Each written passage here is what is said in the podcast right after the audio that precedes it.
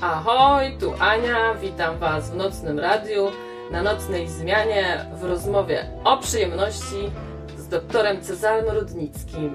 Dobry wieczór, Cezary. Dobry wieczór.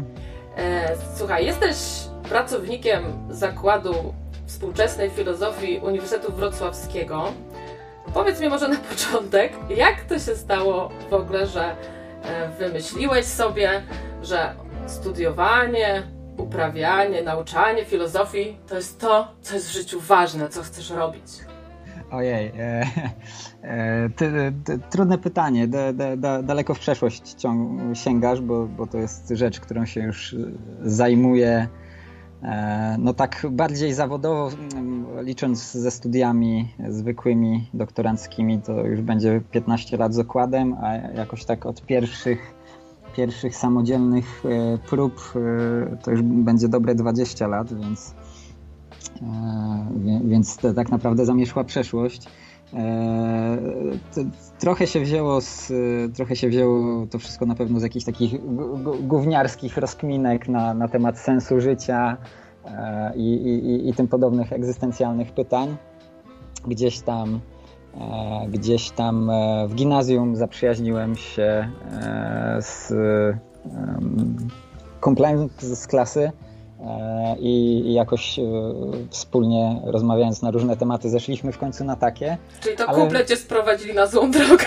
No, chyba koniec końców bardziej książki bym powiedział. To znaczy wiesz, bo jakby w ogóle się nie E, w ogóle się nie nastawiałem wtedy na jakieś takie poważne zajmowanie się tą filozofią. Fajnie się na jakieś takie tematy egzystencjalne e, rozmawiało. To chyba jest też taki wiek, w którym się takie pytania egzystencjalne e, człowiek zaczyna sobie zadawać. Ale jakby moja przyszłość się w zupełnie innych barwach rysowała wtedy, bo to był też. Ja zawsze byłem raczej takim ścisłowcem. W gimnazjum jakoś właśnie ten, ten sam okres, w którym się zainteresowałem filozofią, też dostałem swój pierwszy komputer i z czasopisma komputerowego, e, z jakiegoś kursu takiego programowania z czasopisma nauczyłem się programować. No i jakby moja zaplanowana przyszłość to były studia informatyczne, programowanie i praca jako e, programista. I, i, i rzeczywiście to były moje pierwsze studia, na jakie poszedłem. Też jakby edukacja szkolna pod tym, e, licealna pod tym kątem była skrojona. Ale te dyskusje, o których wspomniałem, do, doprowadziły do sięgnięcia po pewne e, książki, które mnie, e, które mnie już na tę złą filozoficzną drogę sprowadziły na zawsze. E, jak już raz zacząłem czytać, to nie mogłem się oderwać. Chyba tak najogólniej to wygląda ta historia. Czyli byłeś już blisko tej właściwej ścieżki IT, tak? Kariera programisty i jednak zdecydowałeś, że filozofia... Ciekawi mnie tylko ten moment, wiesz, jak oznamiłeś rodzicom, że jednak idziesz na studia. Tata spadł z krzesła? No, nie, nie spadł, ale to była bardzo, bardzo ciężka i trudna rozmowa e, dla całej naszej trójki. E, no, ro, rodzice długo się nie mogli pogodzić. E, moja mama się jakoś z, z tym wyborem pogodziła dopiero jak poszedłem na studia doktoranckie. W tym sensie że wtedy uznała, że rzeczywiście to nie był jakiś taki chwilowy kaprys, tylko że e, na, naprawdę mnie to interesuje i, i, i, naprawdę jakby chcę się tym w życiu zajmować. Mm. No żeby domknąć ten temat, no wiadomo, że te nauki humanistyczne są w większości społeczeństwa traktowane tak po macoszemu, nie? I zastanawiam się, czy ty miałeś tą nieprzyjemność, że ktoś ci, wiesz, taki atak jakiś na ciebie zrobił, że, że co to w ogóle za zawód e, i, i, tego typu e, wycieczki. Jak ty ludziom tłumaczysz, że to jest potrzebne i ważne? O, e, ch ch chyba, chyba już nie tłumaczę. W sensie rzeczywiście było sporo takich rozmów e, i, i one były zazwyczaj na tyle irytujące, że, że jakoś z, z nich chyba zrezygnowałem. To znaczy, no nie wiem, e, jakby zajmowanie się kulturą chyba tak naprawdę ciężko komuś wytłumaczyć. No to jakby z kulturą, e, tak potraktujmy na chwilę tę filozofię jako część takiej szeroko rozumianej kultury, e, z kulturą czy z nauką e, jest trochę jak ze sportem. Nie? Po prostu jak ktoś uprawia sport, to nawet nie po to, żeby osiągnąć wyniki, no to jakby wie po co to robi. Po pierwsze dlatego, że to jest fajne i sprawia mu jakąś frajdę, a po drugie, że dba o swoją kondycję fizyczną. No i z, z, z, kulturą znowu szeroko rozumianą dla mnie przede wszystkim filozofią jest tak samo. To jest jakby dbanie o kondycję umysłową i, i, i frajda. No i jakby nie da się komuś wytłumaczyć, czemu się z czegoś frajdę czerpie, jeżeli on sam nie, nie czerpie z takich rzeczy frajdy. Pewnie też, pewnie też dochodzą jakieś takie kwestie bardziej powiedzmy na, naukowe czy teoretyczne. Zazwyczaj jak te spory kiedyś toczyłem, to na jakiejś takiej płaszczyźnie uzasadniania znaczenia filozofii dla innych nauk, ale tak jak powiedziałem, trochę mnie to zmęczyło, e, taka walka z wiatrakami.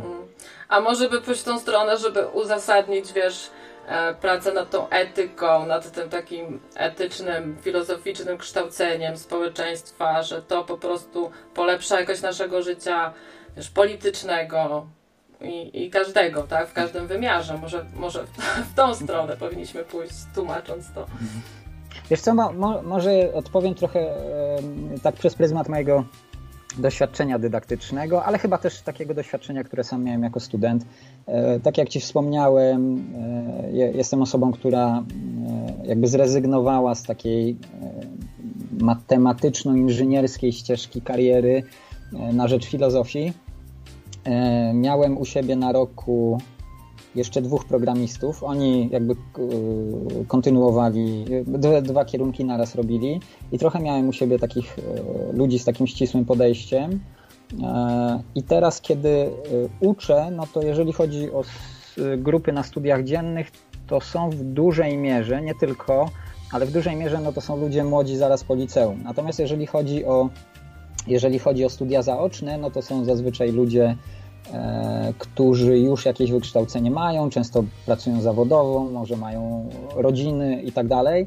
I bardzo dużo e, programistów przychodzi na tą filozofię. Wydaje mi się, że jest coś takiego w tej. E, jeżeli ktoś się interesuje czymś więcej niż koniec własnego nosa, no to nawet jeżeli, nawet jeżeli ze względów jakichś takich ekonomicznych wybrał taką ścieżkę, która mu pozwala E, e,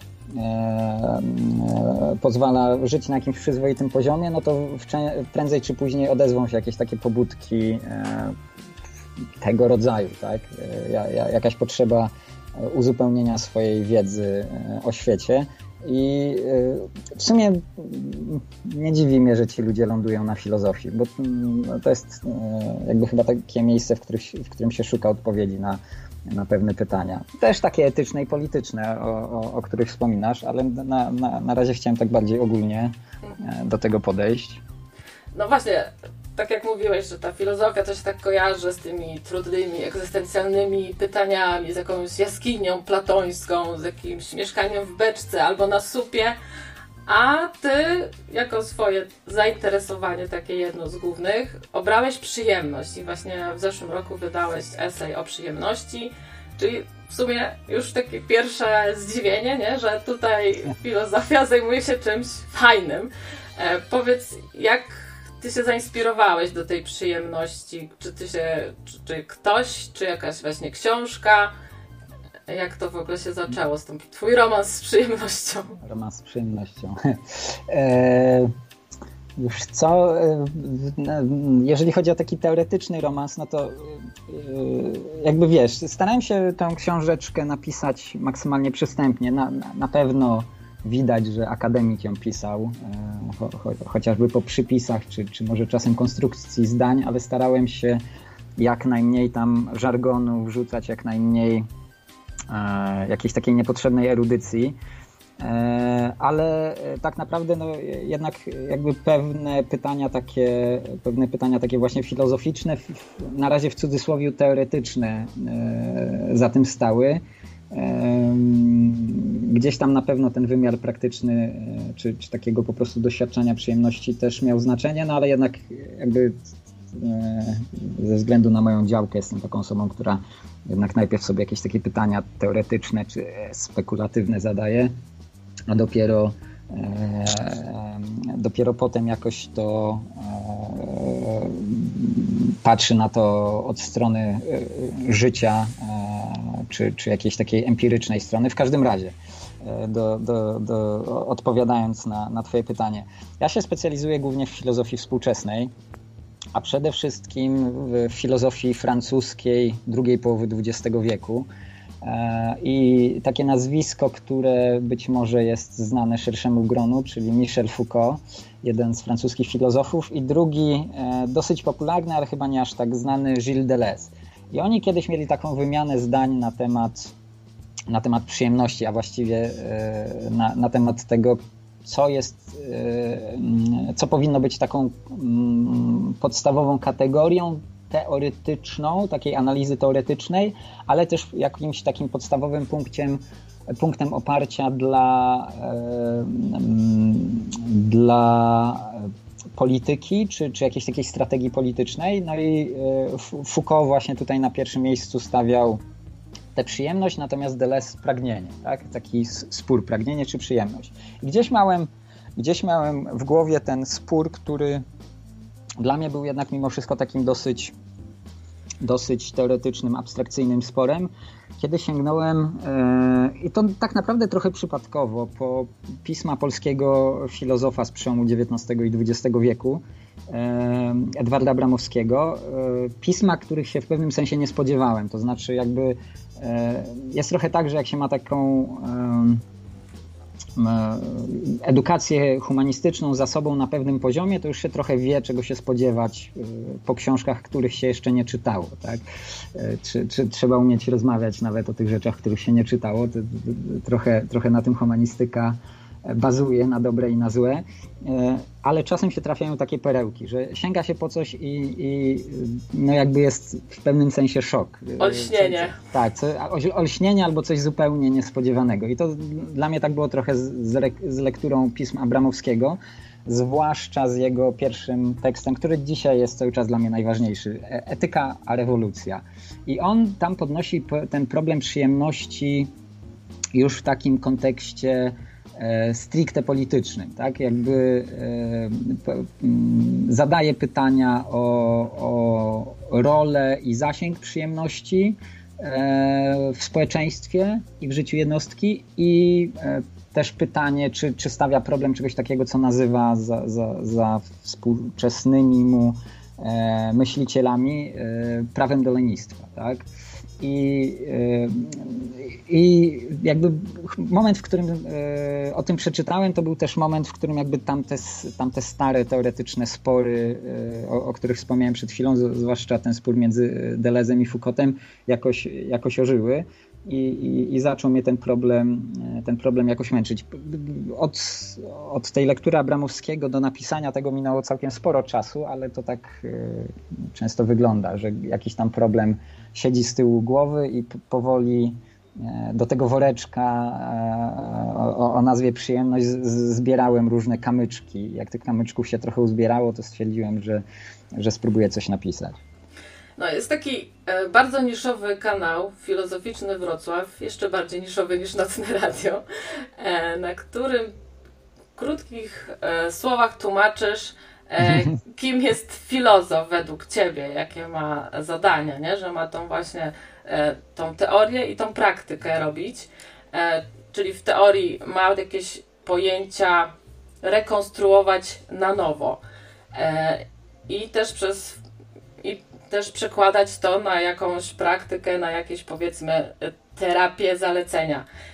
To może byśmy spróbowali właśnie najpierw opowiedzieć, jak my teraz rozumiemy tak potocznie przyjemność i jaka jest Twoja na bazie Abramowskiego propozycja rekonstrukcji e, mhm. e, przyjemności. Czy Ty masz jakąś, e, nie wiem, klasyfikację tych przyjemności, hierarchię? Bo w internecie się natknęłam, no nie wiem, czy to jest w ogóle potrzebne, nie? E, czy, czy, czy wystarczy podzielić na cielesne, umysłowe, nie wiem, społeczne? Jak Ty tutaj grupujesz te przyjemności? Wiesz co, zupełnie w takich kategoriach o tym nie myślałem, ale na, najpierw ci powiem, że e, e, zaskoczyłaś mnie, że dotarłaś do tamtego materiału. To e, takie nagranie, które na potrzeby instytutu, w którym pracuję, powstało. Ale tak, rzeczywiście mo, mo, mo, może wykorzystam to, co, co tam powiedziałem. To jest zresztą coś, od czego często swoje kursy zaczynam. Także ja jestem dosyć mocno przywiązany do takiego bardzo tradycyjnego, tak na dobrą sprawę, rozumienia filozofii, w którym ta filozofia dzieli się na filozofię teoretyczną i praktyczną. Tak? Te, e, te teoretyczną e, wykładam, tak jak, tak jak wspomniałaś, jako jakąś taką sztukę analizy, e, tworzenia czy rekonstrukcji pojęć, tak? taki namysł teoretyczny nad takimi podstawowymi kategoriami, którymi się mm, posługujemy i w życiu codziennym, i w naukach. Nie wiem, czas, ciało, dobro, czy właśnie ta przyjemność. A z drugiej strony filozofia praktyczna, czyli po prostu e, no, zgodnie z najbardziej tradycyjnym rozumieniem etyka i polityka. Tak? E, etyka rozumiana jako jakaś taka e, sztuka życia, czy, czy, czy, czy jakaś taka praca nad, nad własną egzystencją. Więc trochę, trochę z tym esejkiem o przyjemności gdzieś w, tle, gdzieś w tle jest właśnie takie myślenie, może nawet troszeczkę bardziej z akcentem na tą taką część teoretyczną, no bo siłą rzeczy to jest, y, to jest jednak y, no, no tekst, tekst o czymś, tak? tekst, tekst o pewnym pojęciu. Tak? E, to znaczy, mm, e, kiedy się zacząłem jakoś tak y, bardziej systematycznie zastanawiać nad tą kwestią przyjemności, no to do, dotarło do mnie, że zazwyczaj zamykamy ją w takich dwóch sposobach rozumienia. Zresztą tak, tak ten eseik zaczynam, jak, jak pewnie dobrze wiesz. Tak? E, dwa, dwa sposoby myślenia o przyjemności, które od razu wiążą się z dwoma sposobami jej wartościowania. Tak? Jeden, jeden, który określam mianem konserwatywnego, taki, w którym przyjemność się postrzega raczej jako coś e, negatywnego, E, coś, e, nie wiem, coś, co nas odwodzi od właściwych celów bytu ludzkiego, tak? Coś, coś, coś co nas, nie wiem, odciąga od racjonalnych działań i rzuca nas na pastwę jakichś naszych rząd. Próżność. Tak, jakaś taka próżność, no albo wręcz jakiś taki nihilizm czy hedonizm, tak? o, o, o który często się oskarża E, współczesne społeczeństwa, zwłaszcza tego zgniłego zachodu. E, mówię to oczywiście z, z pewną ironią. E, natomiast z drugiej strony mamy cały taki dyskurs poświęcony na pozór afirmacji przyjemności, ale to jest przyjemność jednak bardzo specyficznie rozumiana. Przede wszystkim indywidualna, takie, cały taki terapeutyczny czy, czy jakiś taki coachingowy dyskurs dbania o siebie, dbania o swoje własne przyjemności, tak, zapewniania sobie codziennej dawki rozkoszy. E, a z drugiej strony on tutaj, ta, ta przyjemność w tym, w, tym, w tym wypadku jest jakoś tak bardzo mocno e, wpisana w, w jakieś takie e, ekonomiczne relacje, w sensie jest, jest jakoś tak sfunkcjonalizowana E, nie, nie jest sama dla siebie, tylko do czegoś tak naprawdę. E, no, żeby była przyjemna, musi dużo kosztować przede wszystkim. No, dużo kosztować albo, albo żeby chociaż nas regenerowała, żebyśmy mogli znowu wrócić do pracy nie? i być jeszcze bardziej efektywni niż, niż byliśmy przed wypoczynkiem. E, tutaj to Misiu, ten korespondent ze Stanów Zjednoczonych, o którym Ci wspominałam wcześniej, mm. zapytuje, czy będziesz w stanie odpowiedzieć na pytanie, jaki jest cel i sens jego tutaj bycia na tym świecie? No ja mam nadzieję, że my dojdziemy do tego, że właśnie celem jest e, doznawanie przyjemności, poszerzanie tego swobodnego poszukiwania przyjemności e, w życiu. E, tak. E, no właśnie, przypominam, że jesteśmy na żywo, także jeżeli u Was też jest 8 marca, e, to znaczy, że słuchacie nas na żywo i oczywiście możecie w każdym momencie zadzwonić na Skype Nocne Radio. E, możecie tutaj na czacie oczywiście się udzielać albo donatować i zapytania w donatach. To na pewno Iwona odczyta.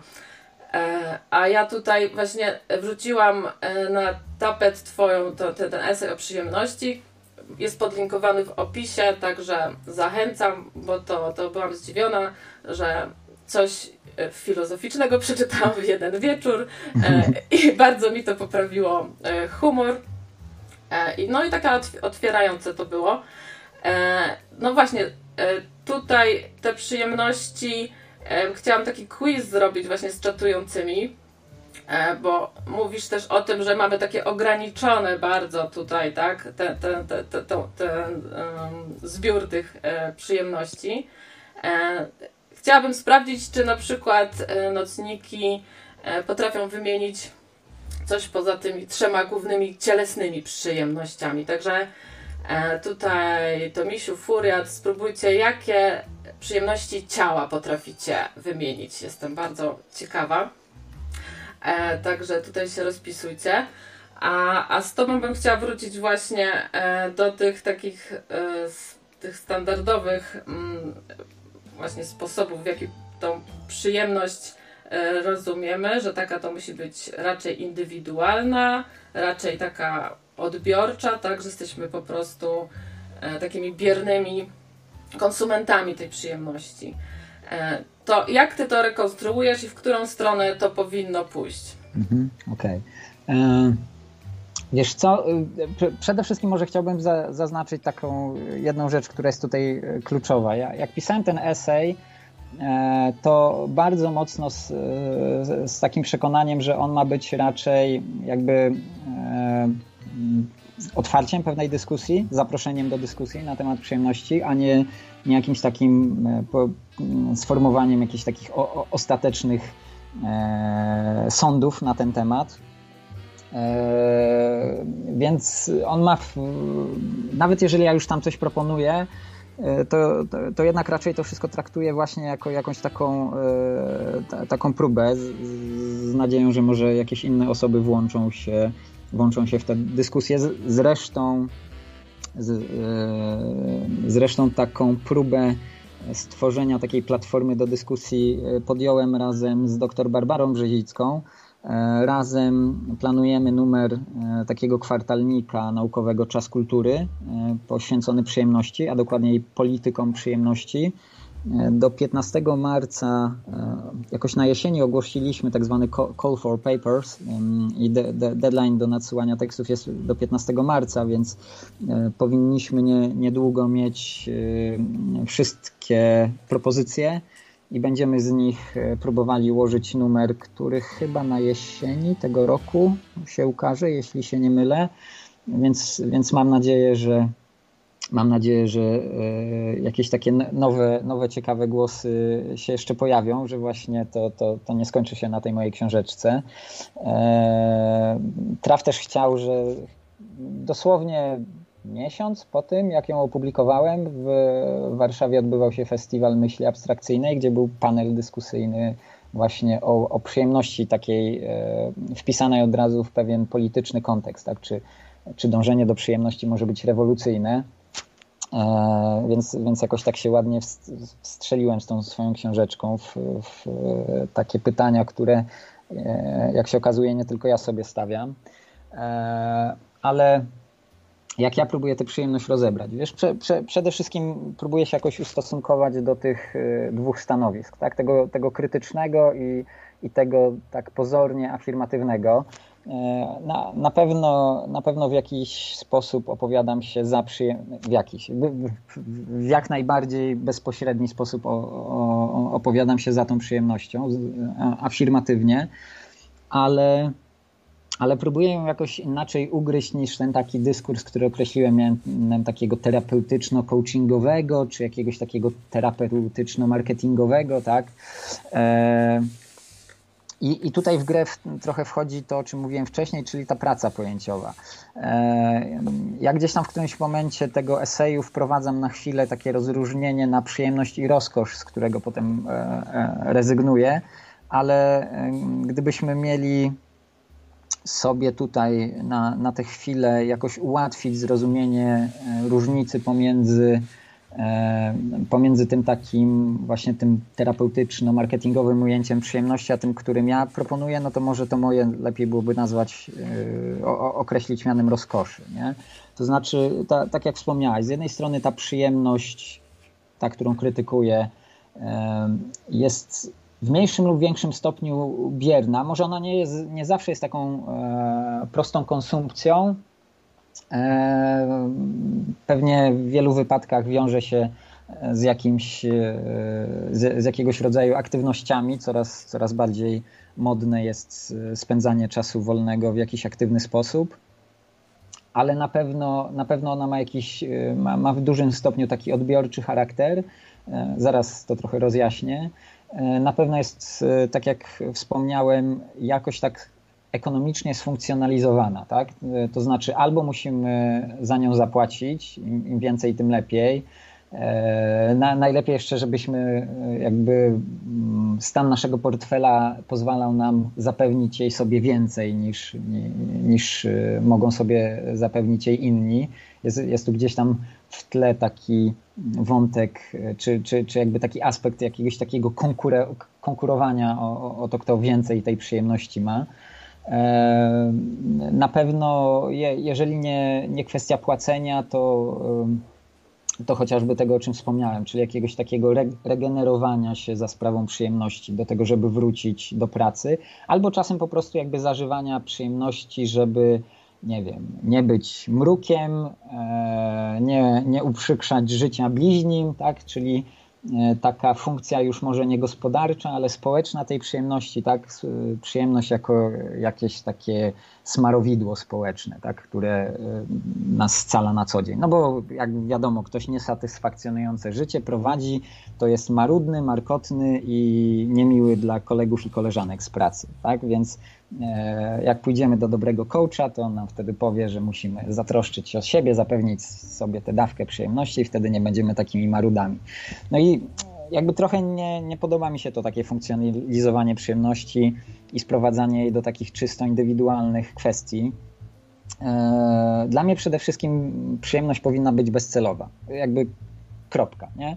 E, przyjemność jest dla samej przyjemności i tyle. Nie ma, nie ma czemuś służyć ale chociaż jest bezcelowa, to niejako przy okazji mogą się inne rzeczy pojawiać. To znaczy nie ma celu, ale może być warunkiem jakichś innych zjawisk. E, I na przykład, e, na przykład to, co, to, co próbuję pokazać, to że e, taka bezcelowa przyjemność jest, jest warunkiem budowania się relacji międzyludzkich. Przede wszystkim przyjaźni. Tak? No, przyjaciele to są przecież osoby, z którymi przyjemnie spędzamy czas. Tak? To, to, to, to, co nas wiąże, e, to, co nas wiąże, to jest przecież nic innego jak wspólne zażywanie przyjemności. I trochę, trochę jakby rozwijam ten motyw, to znaczy jakby staram się eksplorować w tym pojęciu przyjemności, czy też rozkoszy, ten, ten wątek wspólnotowy, tak? bo on, on ma dla mnie wiele różnych znaczeń. Z jednej strony wydobywa E, nas z tego takiego odbiorczego pojmowania przyjemności. E, no bo jeżeli, jeżeli ona jest wspólnotowa, no to jakby razem ją budujemy, razem ją przeżywamy, e, tak, nie, nie, nie tylko ją doznajemy, ale też, też wytwarzamy, tak, nie wiem, tworzymy przyjemną atmosferę, tak, chociażby na imprezie, tak, kiedy się dobrze bawimy z przyjaciółmi, no to nie, nie tylko jakby odbieramy bodźce, ale też jakby aktywnie, aktywnie tworzymy tę atmosferę. E, mm, więc jakby odejście od tej, od tej odbiorczości, no ale też e, najbardziej oczywista rzecz e, po tym, co już powiedziałem, tak? Przyjemność jako coś, co nas, jak, nie wiem, wypisuje z tego takiego egocentrycznego, indywidualistycznego, atomistycznego pojmowania życia. Tak? Jeżeli przyjemność e, czy rozkosz e, działa najlepiej wtedy, e, kiedy jest współdzielona i współwytwarzana z innymi, no to jakby mamy tutaj przyjemność jako jakiś taki warunek konstytuowania się, tak, konstruowania pewnej, pewnej wspólnoty. No, chociażby wspólnoty znajomych, wspólnoty przyjaciół, ale próbuję to odnieść do szerszego pola politycznego i zastanawiam się, nad tym, co musielibyśmy zrobić, gdybyśmy chcieli dobrą, taką progresywną, emancypacyjną politykę o, o, coś mi zanikło. Uprawiać. O, dobra, jesteś z powrotem. Mhm. I przerwało mnie. Tak, ale na chwilkę tylko. Może Dobra, cofnę się o krok. E, myśl, która mnie napędza, to jest, czy taki problem, który stoi za, za tym całym namysłem nad przyjemnością, no to jest problem, problem jakiejś takiej wspólnoty, której nam dzisiaj brakuje tak naprawdę i problem jakiejś takiej e, emancypacyjnej, progresywnej polityki. Tak? I, i jak, jak, jak, robić dobrą politykę, jak, jak, robić tą politykę poprzez zaangażowanie ludzi i wydaje mi się, że jakby próbuję pokazać, że przyjemność tutaj jest takim warunkiem, tak? Warunkiem tego, żebyśmy, żebyśmy tworzyli jakieś kolektywy, które potem będą mogły, e, będą mogły realizować wspólnie jakieś polityczne cele. Mm, nie wiem, czy jeszcze o coś chcesz dopytać? E, no, wiesz, dla mnie właśnie ta, ta, ta rekonstrukcja twoja, przechodzenie od tej indywidualnej przyjemności do tej wspólnotowej, e, to jest dobry kierunek, ale mi się wydaje, że wiesz, dla tego systemu, w którym jesteśmy, to jest straszne zagrożenie. I myślę, że e, tutaj ciężko się przebić z tym, e, no bo tacy ludzie, którzy się przyjaźnią, którzy w miłej atmosferze spędzają czas, oni są groźni. Oni są niebezpieczni, no bo wtedy wiesz, jak oni aż takim nie zależy na tych e, pieniądzach, żeby sobie kupować jakieś inne takie przyjemności e, w bardziej w wymiarze właśnie e, materialnym, tylko cenią sobie spędzony wspólnie czas, no to tutaj jest właśnie no, zagrożenie, tak? Bo tutaj rodzi się ta wspólnota, E, no i jak, co z tym zrobić? Jak to, wiesz, żeby to się mogło przebić szerzej, nie? Trudne pytanie, bo no jakby tak, absolutnie masz rację. Jakby za tym, e, za tym stoi myśl, tak jak powiedziemy, o jakiejś takiej polityce progresywnej, E, czyli jakoś, e, jak samo słowo wskazuje, zrywającej z tym zastanym porządkiem, więc ci, którzy, ci, którzy w tym zastanym porządku zajmują jakieś uprzywilejowane pozycje, na pewno, na pewno będą przeciwni próbie jego zmienienia, więc jakby problem stary jak świat. Chyba, chyba go jakoś nie, na pewno w jednej, w jednej audycji e, radiowej wspólnie nie rozwiążemy. No, tym, tym bardziej ja sam się nie czuję na siłach. Mhm. No powiem Ci tak, e, ja się zachwyciłam tym Twoim esejem, tak, tutaj Ci posłodzę. E, no i po, z kilkoma osobami rozmawiam na ten temat, no to często potem słyszę, że że jestem po prostu leniwa, że ja chcę po prostu mniej pracować, jestem księżniczką, że tylko te przyjemności mi w głowie. E, wiesz, e, nawet rozmowa o tym skróconym czasie pracy, tak? E, jakieś sugestie, że może nie musielibyśmy pracować 8 godzin, tylko 6 na przykład, mielibyśmy wtedy więcej czasu dla rodziny, dla przyjaciół, no to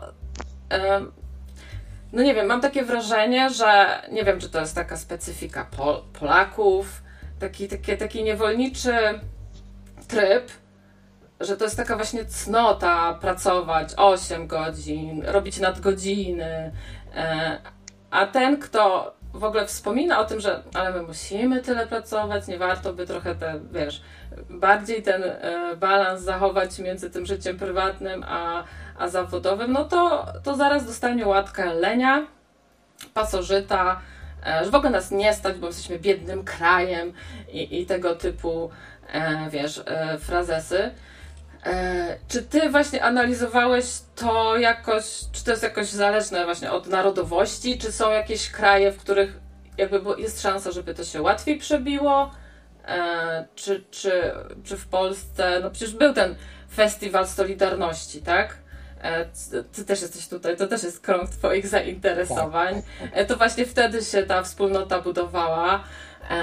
Dużo przyjemności sobie ludzie dostarczali, też tych erotycznych, no bo przecież zaraz potem był ten wyż demograficzny, to wiemy. I tak sobie myślę, że no mając tak, taki, taką fajną spuściznę, to może gdzieś to u nas jest, tylko trzeba by to rozbudzić. Hmm. Wiesz co, gęsta była ta twoja wypowiedź, du, dużo, dużo tematów.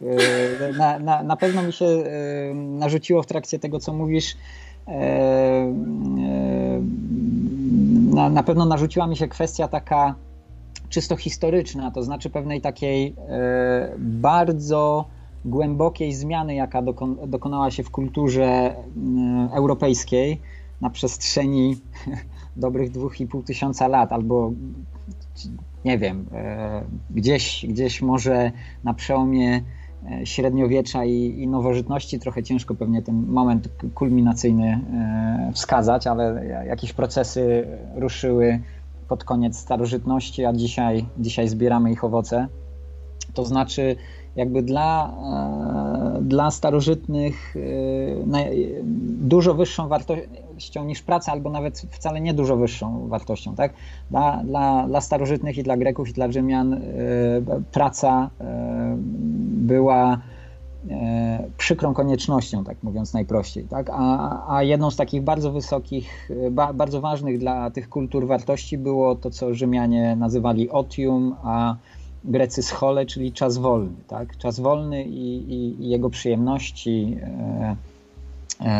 różne rzeczy, które, e, które poza, poza pracą, poza takim trudem codziennym robiliśmy. I coś, coś, się, coś się stało w końcówce e, starożytności, jakieś takie procesy kulturowe się uruchomiły. Nie chcę ich tutaj re rekonstruować, chociaż mam parę przemyśleń na ten temat. Procesy, które sprawiły, że jakby zupełnie zapomnieliśmy o tej wartości, e, nie tylko my tu w Polsce. E, I, i na pierwszym miejscu postawiliśmy tę pracę, ale jest jeszcze coś innego. Chciałbym na te zupełnie inną strategię obrać, e, zwłaszcza kiedy usłyszałem, że e, e, jakby z prywatnych rozmów wyniosłaś takie wnioski, tak? Zwłaszcza, że jakieś słyszałaś za, zarzuty o to, że, że jesteś leniwa i, i, i chciałabyś krócej pracować.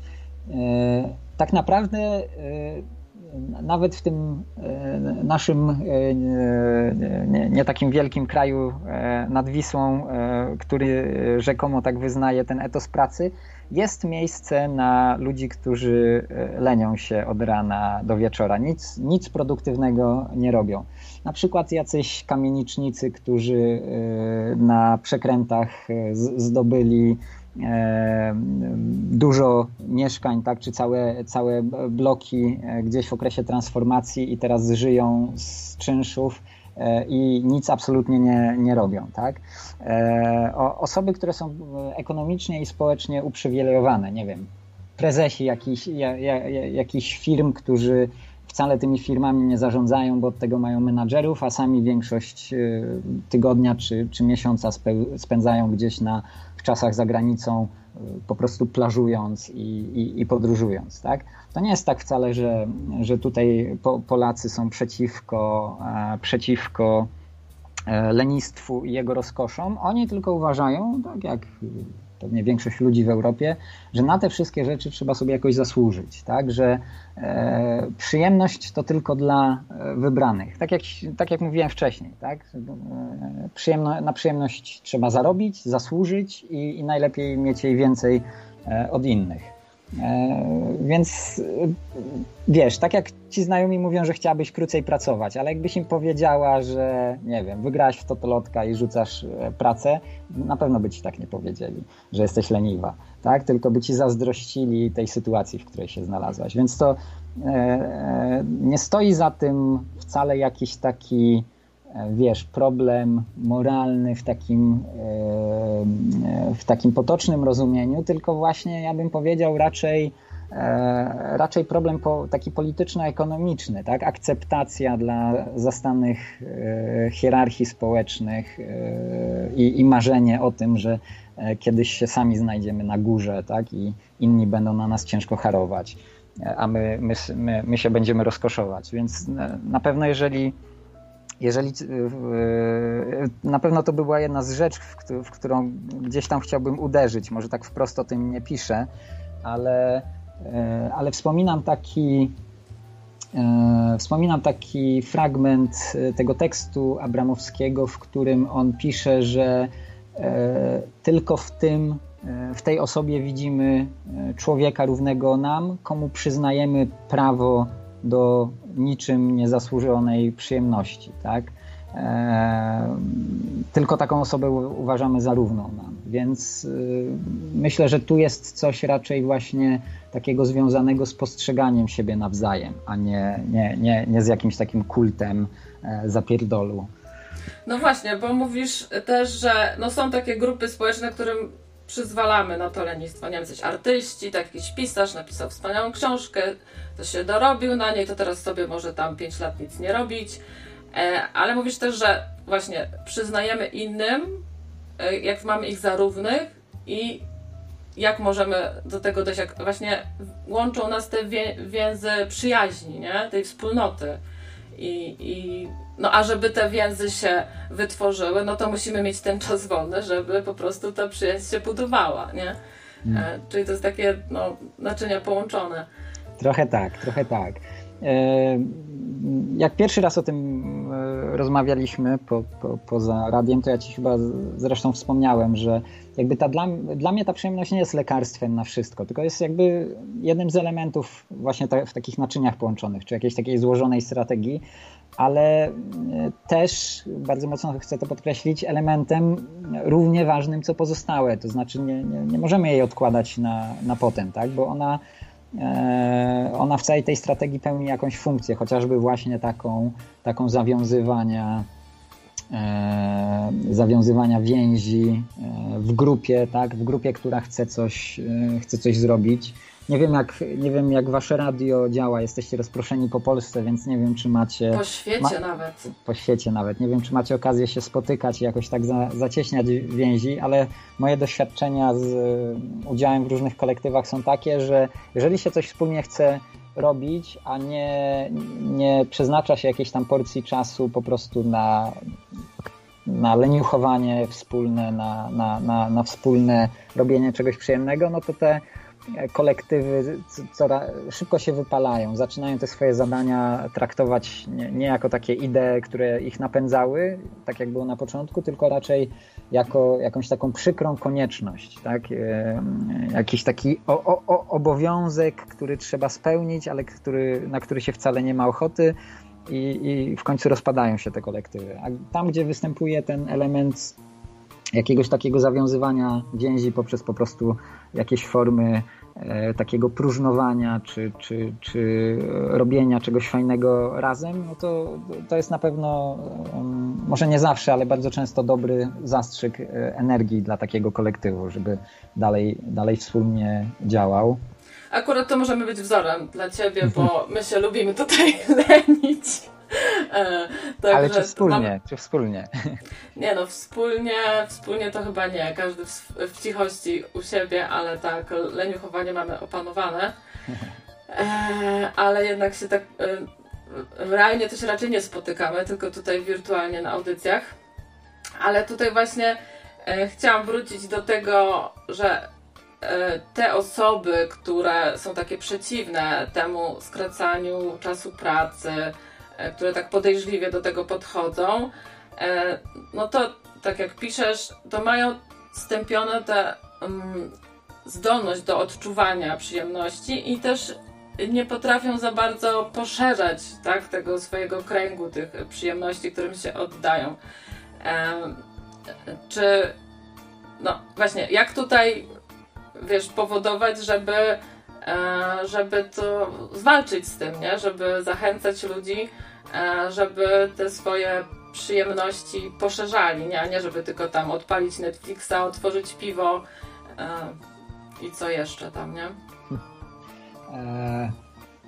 Jak, jak, propagować przyjemność? No nie wiem, e, to trochę, ten, trochę ten esej był e, napisany z taką nadzieją, że ta, ta działka, w której ja umiem robić, czyli słowo, zwłaszcza słowo pisane, że, że będzie jakimś takim taką drobną formą propagowania, E, wiesz, podejrzewam, że tutaj kwestia tego, e, kwestia tego, kto jakimi środkami dobrze się posługuje.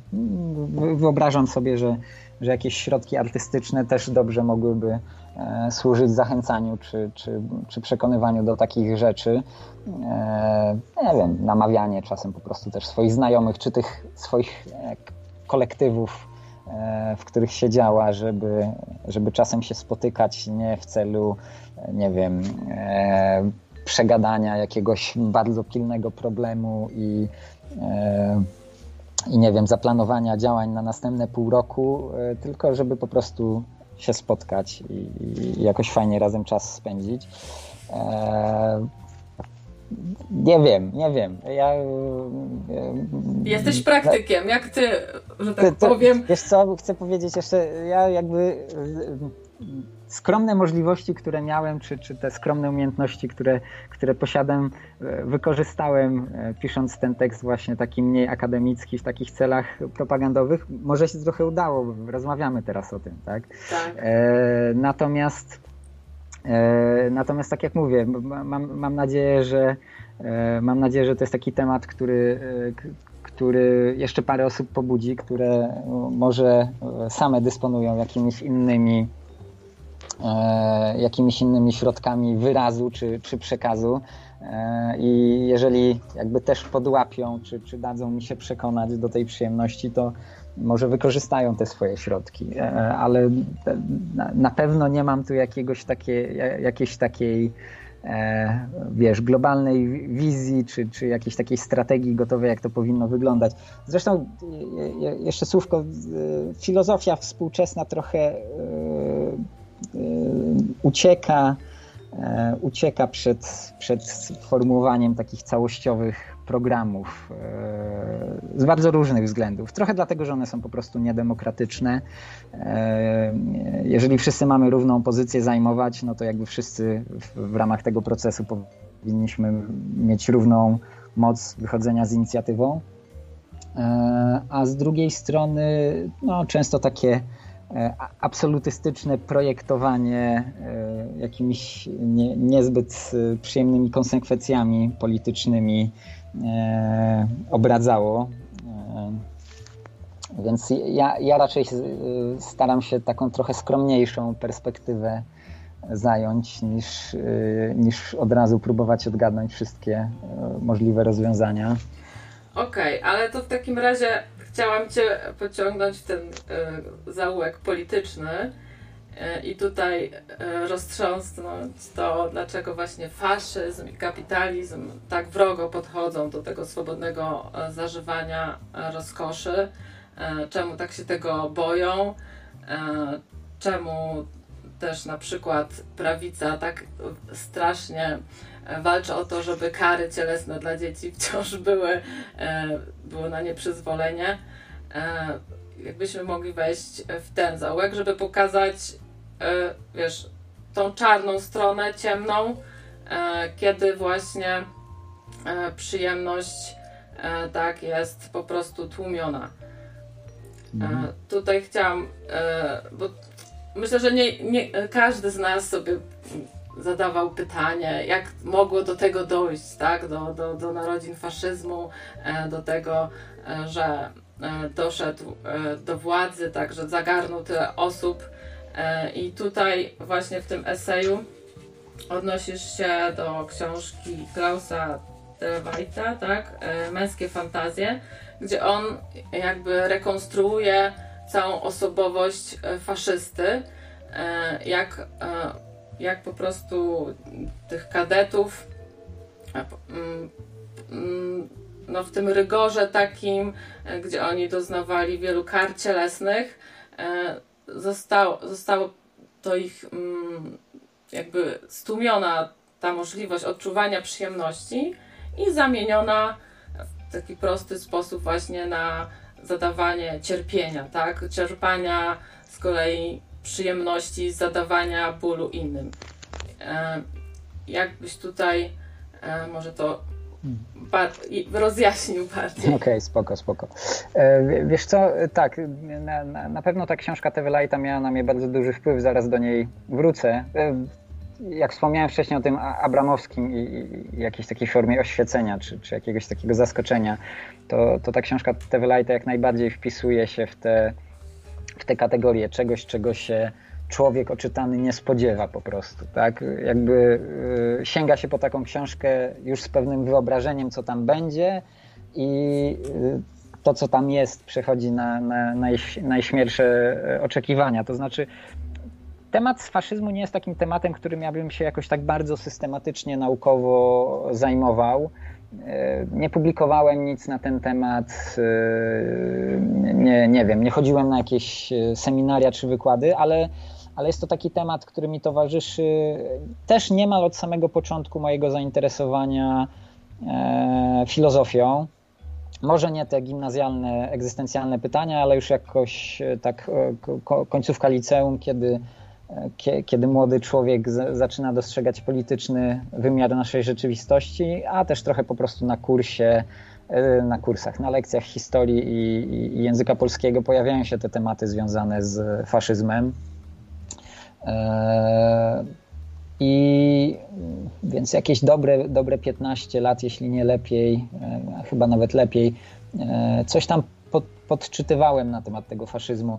I jakoś tak nie do końca mnie przekonują te różne takie teorie. Nie, nie, mam tu czasu wyjaśnić czemu, ale nie do końca przekonują mnie te różne teorie zwracające uwagę na czynniki ekonomiczne czy czynniki E, takie czysto polityczne, tak, e, nie wiem, społeczeństwo, które zostało oszukane albo uwiedzione przez faszyzm, albo jakieś takie kategorie totalitaryzmu, tak, gdzie państwo po prostu wchodzi w każdy, e, w każdy aspekt życia i po prostu zmienia swoich obywateli w takie bierne trybiki, w takiej maszynie śmierci.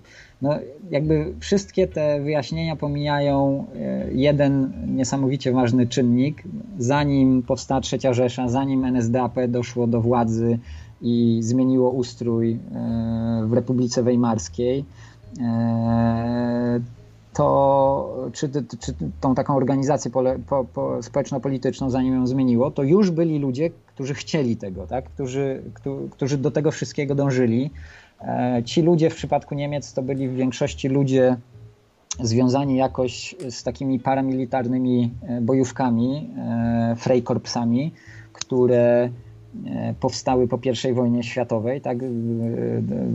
Dawni, dawni żołnierze nie, nie, po, po tym, jak wojna się skończyła, nie chcieli porzucić swojego wojennego rzemiosła i, i tworzyli takie, takie paramilitarne grupy, które czasem mordowały się nawzajem, czasem, e, czasem stały za jakimiś mordami na, na, na, politykach czy, czy na jakichś działaczach, ale czasem też były wykorzystywane przez organy państwowe do tłumienia na przykład protestów robotniczych. Tak, tak było w latach dwudziestych w Republice Weimarskiej. Jakby ci ludzie już byli, ci ludzie e, i są na to jakby świadectwa zostawione przez nich samych E, lubowali się w zabijaniu, e, zadawaniu innym cierpienia i, i po prostu mordowaniu ich. Na pewno wyłapałaś te cytaty w moim tekście. Cytuję przede wszystkim tego Ernsta von Salomona, tak. ale też Ernsta Jungera. Junger to była niesamowicie sławna postać. Nie wiem, trochę po bandzie pojadę, ale e, taka Rowling swoich czasów, albo jakaś Olga Tokarczuk, może bardziej lokalnie. To znaczy, Ernst Junger był jednym z najlepiej sprzedających się pisarzy niemieckich. Eee, przed, chyba taka najbardziej jego znana powieść w Stalowych Burzach, no, można by powiedzieć, że prawie w każdym szkolnym plecaku się znajdowała. Trochę przesadzam, tak, ale niesamowicie, e, niesamowicie poczytny pisarz, ale też, e, też żołnierz, który walczył na froncie I wojny światowej i który pozostawił po sobie parę, parę takich świadectw ujawniających, że te akty przemocy sprawiały mu no, chyba dziką rozkosz. To na, na, najlepiej byłoby powiedzieć, tak? Ta, ta możliwość czasem realizowana, czasem nie, ale tak mo możliwość strzelenia do kogoś, stanięcia naprzeciwko nieuzbrojonego tłumu z karabinem maszynowym. Kiedy on wspomina o, o, takich rzeczach, to wspomina, jaką to rozkosz mu sprawiało. No i teraz jest jakby pytanie, skąd się biorą tacy ludzie, którzy, e, e, którzy e, bo to też e, pojawia się w tych różnych powieściach, w, w pamiętnikach, listach, e, czy, czy jakichś esejach pisanych przez przez tych... E, dobrych faszystów. No, dobrych faszystów, tak? Sie, siepaczy faszystowskich, tak? Mhm. E, pojawia się nie tylko ta rozkosz e, związana z tymi aktami przemocy, ale też jakaś taka niechęć, czy jakiś taki wstręt do tych przyjemności, które my zazwyczaj mamy na myśli, tak? No, takich, można by powiedzieć, prostych, prostych przyjemności do rozkoszy seksualnej, do jakichś takich prostych doznań cielesnych, które które mają raczej jakiś taki charakter, do, nie, nie wiem jak, jakiej metafory tu użyć. No tutaj może najlepsze będzie właśnie zdanie tutaj z tej książki Kadeci Salomona, że bał się bardziej e, ciepła matczynego niż szkolnego rygoru, czyli mhm. bał się bardziej tego, że go matka przytuli, niż jak mu kolega da po prostu w twarz. Tak, tak, tak. Właśnie, nie? Jakby takie przyjemności, które też się wiążą z czułością, nie? Jakieś, yy, z jakimś takim. Rozumiane jako słabość jakaś. Nie? Mm, tak, tak, tak, właśnie tak. I, i, i trochę pytanie, więc wracając, nie? jakby pytanie, skąd, skąd się biorą ludzie, skąd się biorą ludzie o takiej psychofizycznej konstrukcji, tak? dla, których, dla których te wszystkie takie mm, emocjonalne, związane z czułością czy e, zaangażowaną relacją z drugą osobą e, przyjemności są, nie wiem, wstrętne, zabronione, szkodliwe, odpychające, e, a, a, a z drugiej strony znajdują, znajdują rozkosz, rozkosz w aktach przemocy. No i tu właśnie zwróciłem się ku temu, czy jakby na, najmocniej wykorzystałem to studium Tevelighta, te męskie fantazje, e, troszeczkę się może też odwołując do takiej jego krótszej książeczki Breivik e, i inni, i śmiech, e, śmiech morderców, Breivik i inni, e, w której on trochę próbuje ten taki psychofizyczny typ zrekonstruować. No i, i, i w, jeżeli chodzi o ten aspekt, o który pytasz, no to on właśnie zwraca uwagę na to, że większość tych siepaczy faszystowskich, tych, tych którzy e, dołączyli do Freikorpsów, a potem tworzyli trzon armii nazistowskiej, czy e, nie wiem, tak jak na przykład Rudolf Hess byli komendantami o, o, obozów e, zagłady, że tacy ludzie w większości przeszli przez szkoły dla kadetów, w których doświadczyli doświadczyli bardzo ostrego, bardzo specyficznego drylu. Tak? Takiego drylu, który był bardzo mocno nastawiony na e, wyrugowanie, e, czy, czy jakby negatywne skojarzenie wszelkich takich doświadczeń, z jednej strony seksualnych, a z drugiej związanych po prostu z jakimś takim ludzkim ciepłem, bliskością, intymnością, która niekoniecznie musi mieć charakter erotyczny, tylko jest jakąś taką zażyłością a, a, a za to nasycali ich ciała codzienną dawką bólu. Codziennie wystawiali ich poza granice, e, no poza granice takiego normalnego odczuwania bólu, tak? Do, doprowadzali, doprowadzali to ciało do skrajności, tak? I Tevelite, Tevelite, Tevelite, przepraszam, Tevelite rekonstruując te, e, te procesy, sugeruje, że w ich trakcie, czyli w trakcie tego drylu, ich ciała były zatruwane e, przemocą, tak? E, że, że dokonywała się w tych szkołach dla kadetów jakaś taka e, psychofizyczna transformacja. I wydaje mi się, że jakby co,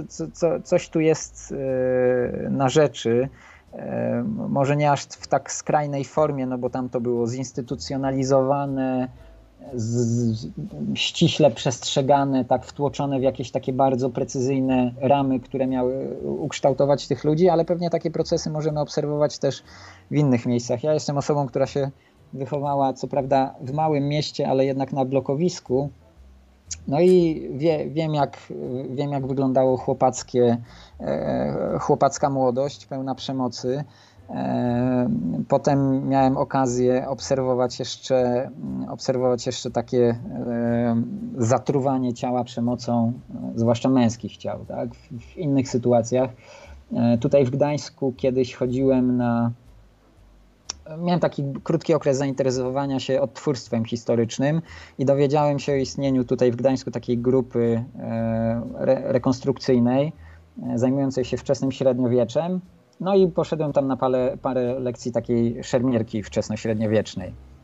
Jeden, e, jeden z trenerów, który e, doskonale by e, pasował do książki Tewy Lighta, wspomniał w którymś momencie, że dla chętnych są ustawki. To znaczy, że jakby my na tych treningach wa walczyliśmy w ochraniaczach, e, nie mieczami, tylko kijami, tak, e, ale jeżeli, jeżeli ktoś chce, to oni tam sobie od czasu do czasu, nie pamiętam, raz w miesiącu, czy, czy jakoś tak, jadą do lasu i bez, bez ochraniaczy się tłuką, tak, żeby, no, no co zrobić, żeby jakby nakarmić te swoje ciała odpowiednią dawką bólu i, i też móc wyżyć się na innych, tak, to jakby niczemu innemu e, nie służyło. Więc y, jakby wiesz, są, są ludzie, którzy, którzy cały czas dbają o to, żeby e, i samych siebie formować w ten sposób i szukać innych, których, e, których też będą mogli takiej transformacji poddać. I na pewno ja dostrzegam w tym jakieś niebezpieczeństwo. To znaczy, faszyzm to nie jest dla mnie jakieś tylko tam historyczna zaszłość, coś, coś, co się zdarzyło, było jakąś taką naprawdę tragiczną, ale jednak przeszłą, e, przeszłą historią. Wiesz, dla mnie to jest trochę możliwość, która cały czas się gdzieś tam, gdzieś tam czai. Może nie wiem, czy nie chcę być czarnowidzem, nie, nie, nie będę mówił, że zaraz wylezie na wierzch, ale e, jakby wolę dmuchać na zimne, tak? To znaczy e, e, obserwuję pewne zachowania, które, które dla mnie mają taki potencjał i pisząc ten esej wziąłem też na warsztat te kwestie, albo może trochę inaczej. Mia, miałem, miałem gdzieś je w głowie i, i, i jakby też starałem się ten temat poruszyć. To znaczy widzę, e, tak próbowałem skonstruować to pojęcie przyjemności, żeby trochę chroniło przed takim osunięciem się e, w, e, w takiej rozumienie, gdzie ona byłaby jakby, wiesz, czy, przyjemnością czerpaną z czyjegoś cierpienia. Nie? Bo jakby afirmuję przyjemność, z, z, zalecam ją, można by tak powiedzieć, czy doradzam, ale na pewno nie każdą, nie każdego rodzaju i już na pewno nie taką, która miałaby się czymś kosztem odbyć. Nie? E... No, słuchaj, no, ale tutaj właśnie e, może to jest tak, że po prostu ta przemoc to jest część męskości, tak? Skoro, no mówię, czy kibice sobie te ustawki robią, tutaj jakaś grupa rekonstrukcyjna, e, chłopaki tam po szkole się gdzieś tam umawiają, E, no bo też słyszę takie opinie, że no prawdziwi faceci to sobie muszą tam czasami popysku dać, nie? To jak to jest? No wiesz, ja, e, mm, nie, nie jest to działka, w której mogę się jakoś autorytatywnie e, wypowiadać, więc we, we, weź to w jakiś tam drobny nawias, ale trochę, trochę czytam, czy, czy trochę słucham na takie tematy. E, I mm, e, na przykład jest taka kwestia, e, jakby te klapsy, o których wspomniałaś na, na samym początku, tak? te kary cielesne. One już mają taki potencjał, one już mają taki potencjał jakby zatruwania ciała tą przemocą. I ostatnio słuchałem, słuchałem jakiejś takiej audycji, w której była ta kwestia poruszona. I e, pojawiło się odwołanie do takich badań, które badało zachowanie dzieci, e, które w domu otrzymują kary cielesne i tych, które nie otrzymują żadnego rodzaju kar cielesnych. No i te dzieci, e, jak te dzieci reagują na konflikty? Nie? I te dzieci, które nie otrzymywały kar cielesnych w domu, nie miały takiej skłonności, nie były agresywne w szkole, nieważne czy to byli chłopcy czy, czy dziewczynki, jakby te genderowe kwestie tutaj e, nie, nie miały znaczenia. Natomiast jeżeli dzieci jeżeli dzieci były karane fizycznie w domu, nawet, y, nawet w postaci takiej, która jest dla wielu ludzi dzisiaj wciąż akceptowalna, to znaczy klapsami na tyłek, to takie dzieci były dużo bardziej agresywne wobec rówieśników i dużo bardziej jakby mm, przywiązane do takiej sprawiedliwości opartej na, na karach cielesnych. Więc jakby dla mnie to jest raczej taka kwestia jakiejś takiej E, nie wiem, socjalizacji, tak? Jak, jak jesteśmy socjalizowani. E, jeżeli, męs, jeżeli to by była część męskości, to na pewno męskości takiej po prostu toksycznej, a nie męskości per se. Nie? E, no, dobra. No, to ten wątek chcę cytatem z Twojego eseju zakończyć, bo muszę to przeczytać.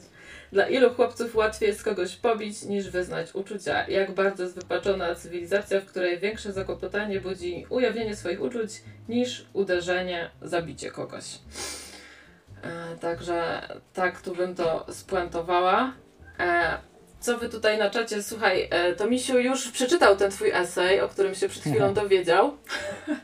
E, I chciałby cię zapytać o sektę Nikolaitów. Czy utożsamia się pan z ich założeniami do wyznawania nieskrępowanej swobody obyczajów? A, e, jakby na, na, pewno jestem ostatnią osobą, która by komuś z, z, z, zabraniała swobody obyczajów. A czy się utożsamiam? Nie wiem, chyba, e, ch chyba dosyć e, trudne pytanie. E, Ale może opowiedz o tej sekcie takiej nowochrześcijańskiej, tak? Wczesno, wczesno. Wczesno, wczesno chrześcijańskiej, tak? Bo myślę, że mało kto wie. Mm. tak, to jest, to jest jakaś taka rzecz wyłowiona z odmentów historii. Ja może trochę powiem skąd się tam ci Nikolaici znaleźli.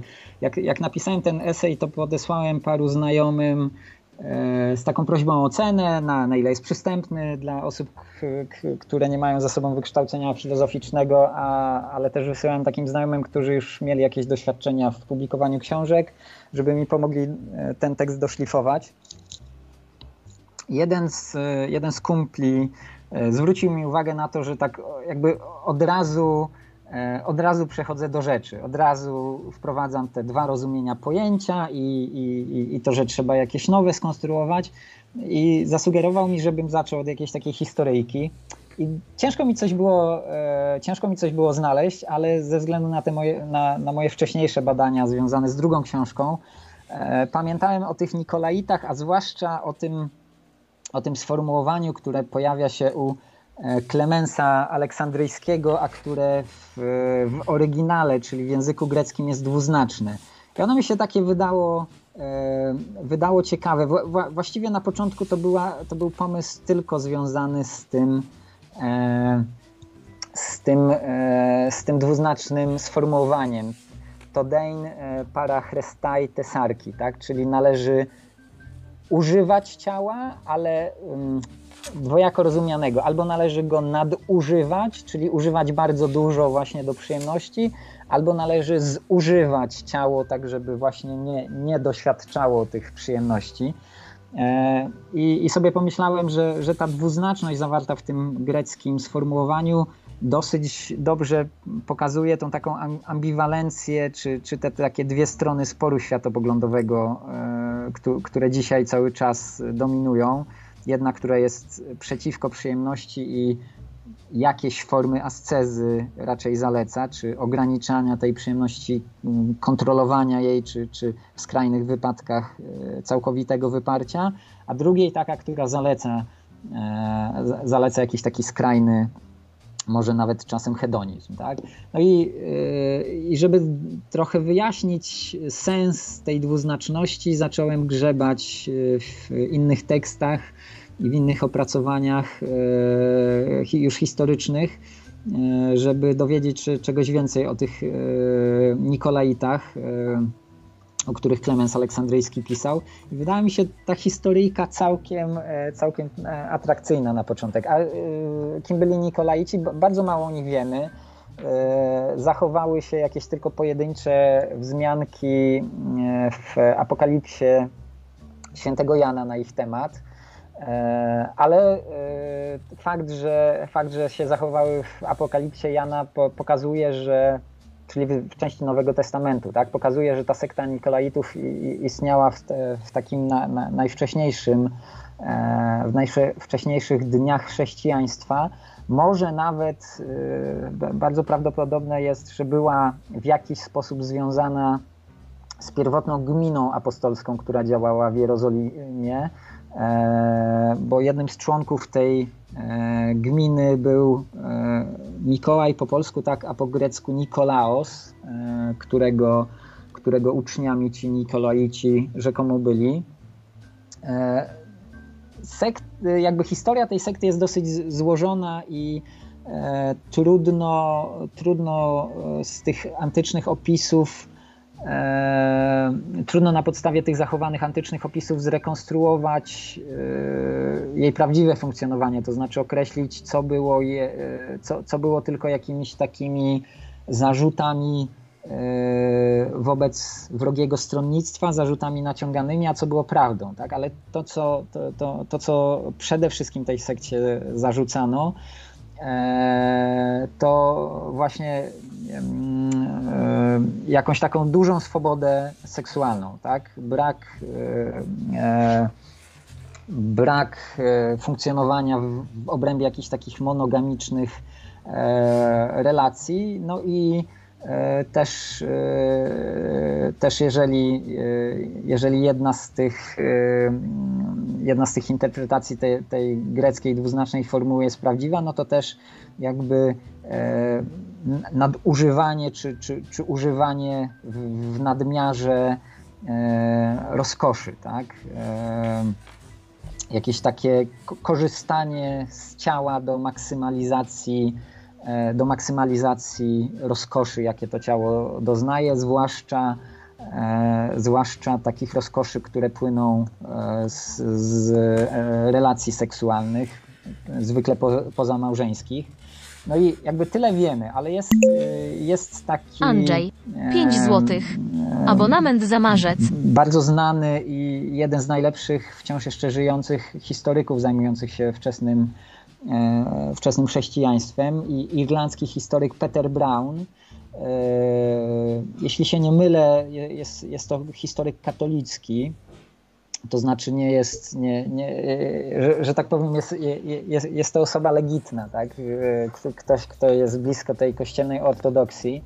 I on w takiej e, książce poświęconej właśnie e, kwestii seksualności, e, kwestii płci i seksualności we wczesnym chrześcijaństwie wspomina o tych Nikolaitach, że być może była to taka sekta, która uznała, że jakby tym prawdziwym spełnieniem e, tej chrześcijańskiej idei e, komunii tak, jest idea wolnej miłości. I jakoś wydało mi się, że to będzie taki, taki fajny haczyk, żeby złowić na ten mój esej. Taka mało, mało znana rzecz, ale w jakiś taki mocny sposób intrygująca. Tak?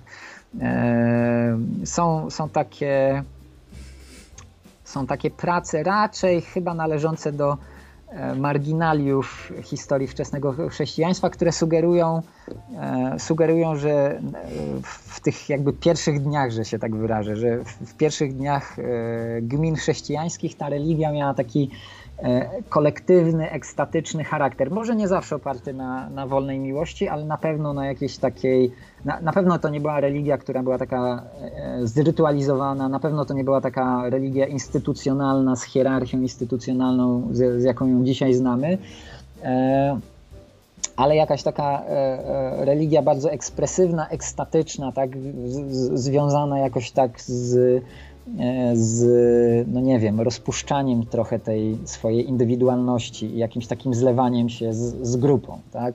I e, ci Nikolaici byli e, prawdopodobnie tymi, którzy uznali, że nie ma lepszego sposobu na... Niż orgia! Tak, niż orgia, dokładnie.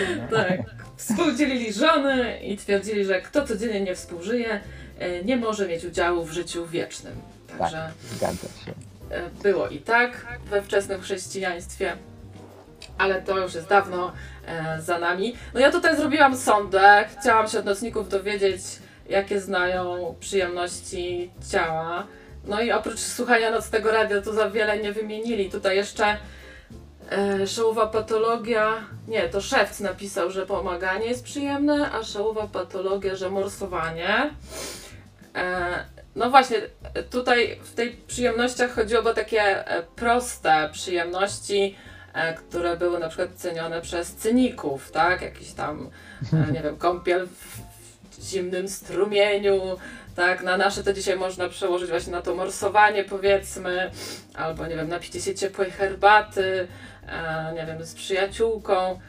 No ale wiesz, często to też jest tak piętnowane, bo zaraz e, usłyszysz, że jesteś taką jesieniarą po prostu, nie? Także społeczeństwo takie konsumpcyjne też ma tutaj swoje metody na to, żeby zaraz tutaj e, takich cyników współczesnych tutaj przytemperować. Hmm.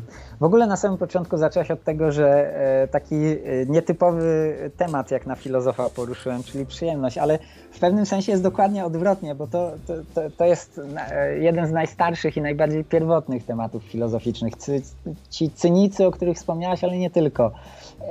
Epikurejczycy, stoicy, czyli te największe szkoły filozoficzne starożytności. Inni również, no nie wiem, coś tam cyrenaicy trochę, tego jest u, u Platona i, i tak dalej, i tak dalej. E, oni wszyscy zastanawiali się nad, nad kwestią przyjemności. To, co jest takie charakterystyczne dla tego antyku, to było pytanie nie, nie pytanie, czy przyjemności są złe czy dobre, czy są dozwolone czy zakazane, czy, e, czy powinniśmy w ogóle z nich zrezygnować, czy są jakieś takie sytuacje, w których E, możemy pójść na, na ustępstwo wobec tej przyjemności. Nie, jakby Grecy w ogóle tak o tym nie myśleli. Dla nich naj, e, takim przewodnim problemem było to, jak dobrze korzystać z tych przyjemności. Jakby e, jasne, że chodzi o to, żeby życie było przyjemne. To jest jakby taki bardzo ważny aspekt życia. Trzeba, trzeba dużo tej przyjemności w, życiu zażywać ale trzeba jej jakby dobrze, dobrze używać, tak? w, w dobry sposób zażywać, tak żeby ona się nie stała e, nałogiem, tak żeby to nie zapanowała nad nami, albo też żeby nam jakby się nie przejadła, że tak się e, wy, wyrażę trochę bardziej mm, kolokwialnie, w tym sensie, że e, no wiesz, jak nie wiem, taki e, nie wiem, czy też tak masz i, i, i, czy nasi słuchacze macie, ale coś bardzo lubię, nie wiem, czereśnie. Jak y, czasem zjem e, kilogram czy dwa czereśni naraz, to potem nie mogę przez parę lat na te czereśnie patrzeć, nie? chociaż mi tak. wiele przyjemności sprawiały. Pewnie wiesz o co chodzi. Tak. Więc ja jakby mhm. przed takimi, jakby ta najwcześniejsza filozofia jest w dużym stopniu namysłem nad tym, jak dobrze używać przyjemności. Żeby nad nami nie zapanowały, ale też żeby nam nie zbrzydły. Nie? A na antenie Więc mamy to... Grzesia. Cześć Grzesiu. E, cześć, witam. Fajnie się Was słucha. Niestety nie czytałem eseju, eseju Twojego jeszcze, ale przeczytam na pewno, odrobię sobie. E, e, ale jak to Grecy nie wartościowali przyjemności? Przecież cnota jest wieczna, a, a, a przyjemność jest tymczasowa, więc wiadomo, że lepiej wyznać cnotę, tak? Nie było coś takiego? Czegoś takiego? O Grekach będziemy rozmawiać. No dobra, wiesz, yy, na pewno, na pewno różne, konsekwen- yy, jakby różne koncepcje tych przyjemności się tam pojawiają. Tak? U Epikura mamy odróżnienie jakichś takich przyjemności naturalnych, nienaturalnych. Yy, jakby na, na, na pewne sposoby je próbowano wartościować, ale raczej właśnie z tej takiej perspektywy trochę mówiąc współczesnym językiem pragmatycznej, tak? E, które, które są dobre do tego, żeby je maksymalizować.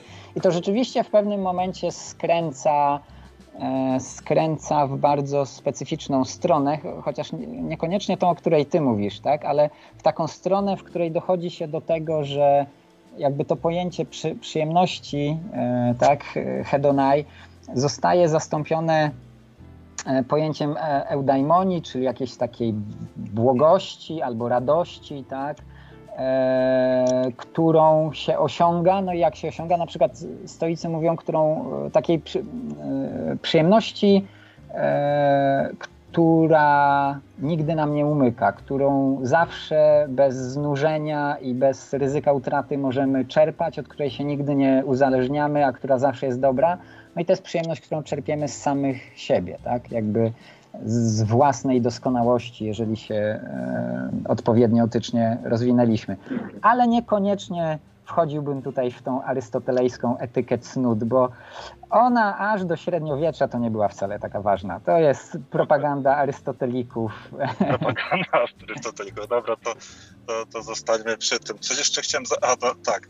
Też, e, wiesz, to bardzo mi przypomina to, to, to o czym mówisz, e, Tatarkiewicza traktat o szczęściu, bo przeczytałem kiedyś i to mnie zastanawia, nie wierzyłem jak można dużo napisać o szczęściu, tak po prostu. Okazuje się, że o przyjemności też można i to, ten temat zgłębić i, i tu nie mówię broń Boże leć wody, no bo, bo jednak Tatarkiewicz pewnie jeszcze by to z kilka tomów z tego zrobił. On, on potrafił skracać, jakby swoje myśli ubierać jakby spójnie i, i nie rozwlekać, a mimo to wyszła księga o szczęściu całkiem spora. E, e, jeszcze jedno pytanie zadam i, jestem w pracy, muszę wracać. Tak na szybko niestety. Dzisiaj pogadałbym da, sobie da. dłużej. O, obijanie się w pracy zawsze na propsie. No, tak. E, a mianowicie też o francuskiego, nie, nie stricte francuskiego filozofa XXI połowy XX wieku, czy w ogóle XX wieku, Emila Ciorana. On chyba był z Rumunii, ale po francusku pisał. Mm -hmm. O tak o szczęściu za dużo nie pisał, y, a pisał dużo. Y, pewnie kojarzysz jego teksty, no bo jak jeśli we francuskiej filozofii siedzisz, to, to na pewno. Y, co jest w opozycji do szczęścia wszystkiego i, i nie wiem, jak godzisz jego teksty, czy też bardziej znanego Schopenhauera, który też za wiele szczęściu nie pisał, albo pisał w taki sposób naokoło trochę. Czy, czy, czy godzisz to dążenie do przyjemności, czy, czy, czy tą rozmowę o przyjemności, którą proponujesz z tymi dwoma e, filozofami i ja się przyłączę na odsłuch i będę słuchał odpowiedzi. Dobra. Eee, no, miło się słucha, więc pozdrawiam. Dzięki. W ogóle pozdrawiam, miło się słucha, chciałem też powiedzieć i, i do usłyszenia następnym razem. Hej, cześć. Do usłyszenia, pa. E, więc odpowiadam. E, ja słabo trawię nihilistów, więc i Schopenhauer, i Cioran to, to, nie jest, to jest zupełnie nie moja bajka. E, no, jak, jak, jak, jak ktoś, kto się zawodowo zajmuje filozofią, mam, mam, swoje, mam swoje sympatie i antypatie. Ale no dobra, po, po, po, pozwolę sobie, skoro już padło takie bardzo filozoficzne pytanie, to, tro, to troszeczkę rozwinąć i może też troszeczkę tak odsłonić karty. E, coś, co w eseju jest pewnie dosyć głęboko zakopane i trzeba mieć, e, trzeba wiedzieć na co patrzeć, żeby to wyłapać. E, dla mnie bardzo ważnym filozofem jest, e, czy może takim nurtem raczej, spinozyzm. Tak? Myśl, myśl Barucha Spinozy i pewne jej kontynuacje, które wcale mogą tak nie, nie, nieoczywiście tutaj zabrzmieć, tak? bo jako kontynuatora Spinozy widzę niczego, i z właśnie współczesnych filozofów francuskich Gilles Deleuze, o którym już tu dzisiaj wspominałem. W każdym razie u Spinozy bardzo ważne jest takie rozróżnienie na dwa afekty, dwa typy afektów, jakich doświadczają ludzie. Afekty smutne i afekty radosne, tak? E, I Spinoza, czy jakby cała, cała, cała myśl filozoficzna, zwłaszcza cała etyka Spinozy jest, jest jakąś taką ostrą krytyką tych afektów smutnych, e, może zaraz wytłumaczę, jak on je dokładnie rozumie, afektów smutnych i całej jakiejś takiej wizji życia e, i organizacji społeczeństwa, która sprawia, że e, jakby te afekty smutne się mnożą, a z drugiej strony ta myśl Spinoza jest wielką taką afirmacją tych afektów radosnych. No i e, bardzo syntetycznie mówiąc, przez co mam nadzieję, że nie będzie to bardzo niezrozumiałe, ale e, jakby filozofia Spinozy, zwłaszcza jego etyka, tak, zostańmy przy jego etyce. Etyka Spinozy jest etyką mocy, tak. E, Spinoza, e, Spinoza postrzegał wszystkie byty, wszystkie istnienia jako, jako pewne stopnie mocy. Tak? Przez te okulary Spinozy możemy na samych siebie tak patrzeć. Tak? Jakby w, w, naszej istocie, w naszej istocie jesteśmy mocą, a dokładniej pewnym stopniem tym moc, tej mocy. Im wyższy stopień, tym więcej możemy rzeczy e, doznawać i, i działać. Tak? Im niższy stopień tej mocy, to tym mniej możemy doznawać i, i działać. I afekty radosne u Spinozy to są takie afekty, które są związane ze wzrostem mocy. Za każdym razem, kiedy moja moc rośnie, to ja doznaję radości, tak? Odczuwam taki radosny afekt. A za każdym razem, kiedy moja moc spada, e, to ja odczuwam afekt smutny. I Schopenhauer czy ten Cioran są dla mnie ewidentnie takimi e, smutnymi filozofami, e, zupełnie po przeciwnej strony, stronie barykady stojącymi do, do Spinozy, Niczego czy Deleza. I o ile jeszcze mi się Schopenhauera zdarzało czytywać, bo on bo jest... Dla nie, nie dlatego, że musiałem. On jest dla mnie istotny ze względu na to, że jakoś tam pracuje w tej takiej tradycji transcendentalizmu pokantowskiego. Rzecz ciężka teoretycznie rzecz, która mnie interesuje. Na, natomiast od Ciorana się bardzo szybko o, odbiłem i nigdy do niego nie wracałem już potem. Mam, mam na półce chyba tylko jedną książkę, której nawet do końca nie przeczytałem. Halo? Je, jestem, o, jestem. Jesteś, jesteś, okej. Okay. Ale coś mi zanikasz chyba. E, e, nie wiem. Wiesz co, nie mam już nic więcej o tym cioranie do dodania, więc... Cioran. A ja wiesz co, ja myślałam, że to był jakiś poeta. A to był, że pisał też wiersze? Cioran? No. Nie mam pojęcia. On raczej takie eseje filozoficzne Aha, pisał. To nie, bardzo, bardzo, li- bardzo literackie one były, wiesz, Mhm. więc... E, Dobra, wracamy do tych przyjemności. E, tutaj Gosia pisze, że e, myślę, że ważne jest czerpać przyjemność i umieć ją odnaleźć nawet w najmniejszych aspektach naszego życia. I też może w takich e, niefajnych aspektach naszego życia chciałam się Ciebie zapytać, co Ty sądzisz o takich guilty pleasure typu oglądanie na przykład patostreamów na YouTubie? o nie, nie, nie, nie, nie robię takich rzeczy. Nie, nie wiem, co miałbym sądzić. Nie wiem, czy to jednak nie wpada trochę, nie, nie, nie, nie wpada trochę w, w te kategorie jakoś tak, nie wiem, właśnie czerpania, cze, cze, czerpania rozkoszy z, z, z czyjejś, e, z czegoś nieszczęścia, czy, czy z doświadczonego przez kogoś cierpienia, ale nie wiem, jakby nigdy nie oglądałem patostreamów, więc trochę mi ciężko to, e, ciężko mi to ocenić. No wiesz, chodzi mi o to, jak Ty to postrzegasz jako takie zjawisko społeczne, nie? Po co ludzie to robią, czemu to jest takie popularne. No, O losie. po... Przykro mi, że Cię uświadomiłam tutaj.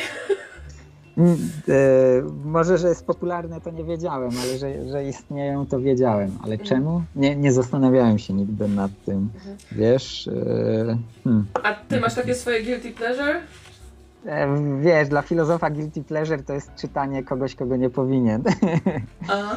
E, czy ja mam jakiś guilty pleasure? Wiesz co, ja przede wszystkim staram się być osobą, która e, jakby, że tak się wyrażę, mo, może trochę może trochę pompatycznie żyć z czystym sumieniem. To znaczy raczej staram się nie robić rzeczy, których bym jakoś ża- ża- żałował albo źle się z tym czuł. E, Nie wiem. Je- Jeżeli coś mi sprawia frajdę, no to jest przyjemne i tyle. I jakby nie, e, nie wiesz, nie oskarżam siebie o to, że coś tam robię.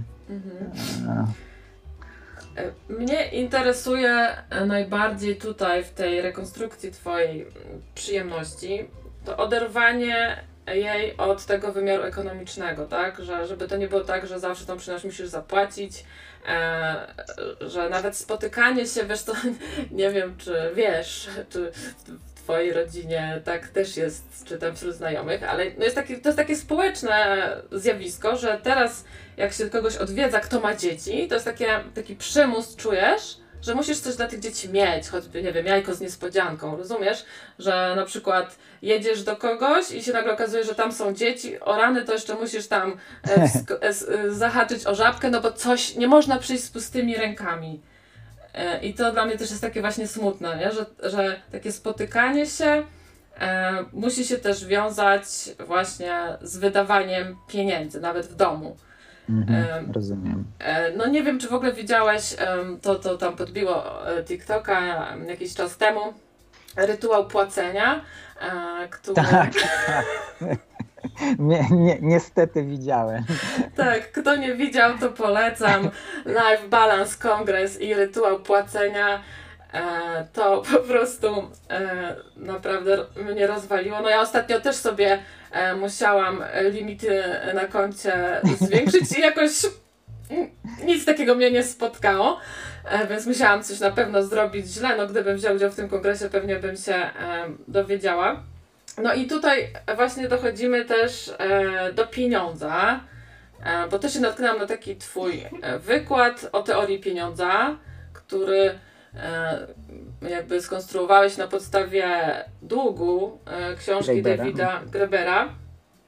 E, no i tam w ogóle mówisz, że żeby zrozumieć współczesny świat, to tam jest pięć książek i między innymi ta jedna książka właśnie, która jakby rekonstruuje, tak, E, to jak podchodzimy do pieniądza, do wymiany. E, no w ogóle ciekawa sprawa, że e, tutaj jakby mówisz, że nie było czegoś takiego jak barter na początku w tych wspólnotach i, i właśnie dochodzisz do tego, że no, ludzie po prostu kiedyś sobie darowali coś, tak? W przyjaźni, w braterstwie, w jakiejś wspólnocie to sobie darujemy i, I nie ma tutaj jakiejś zawsze wymiany, tylko po prostu ty dzisiaj coś potrzebujesz ode mnie, to ja ci to daję.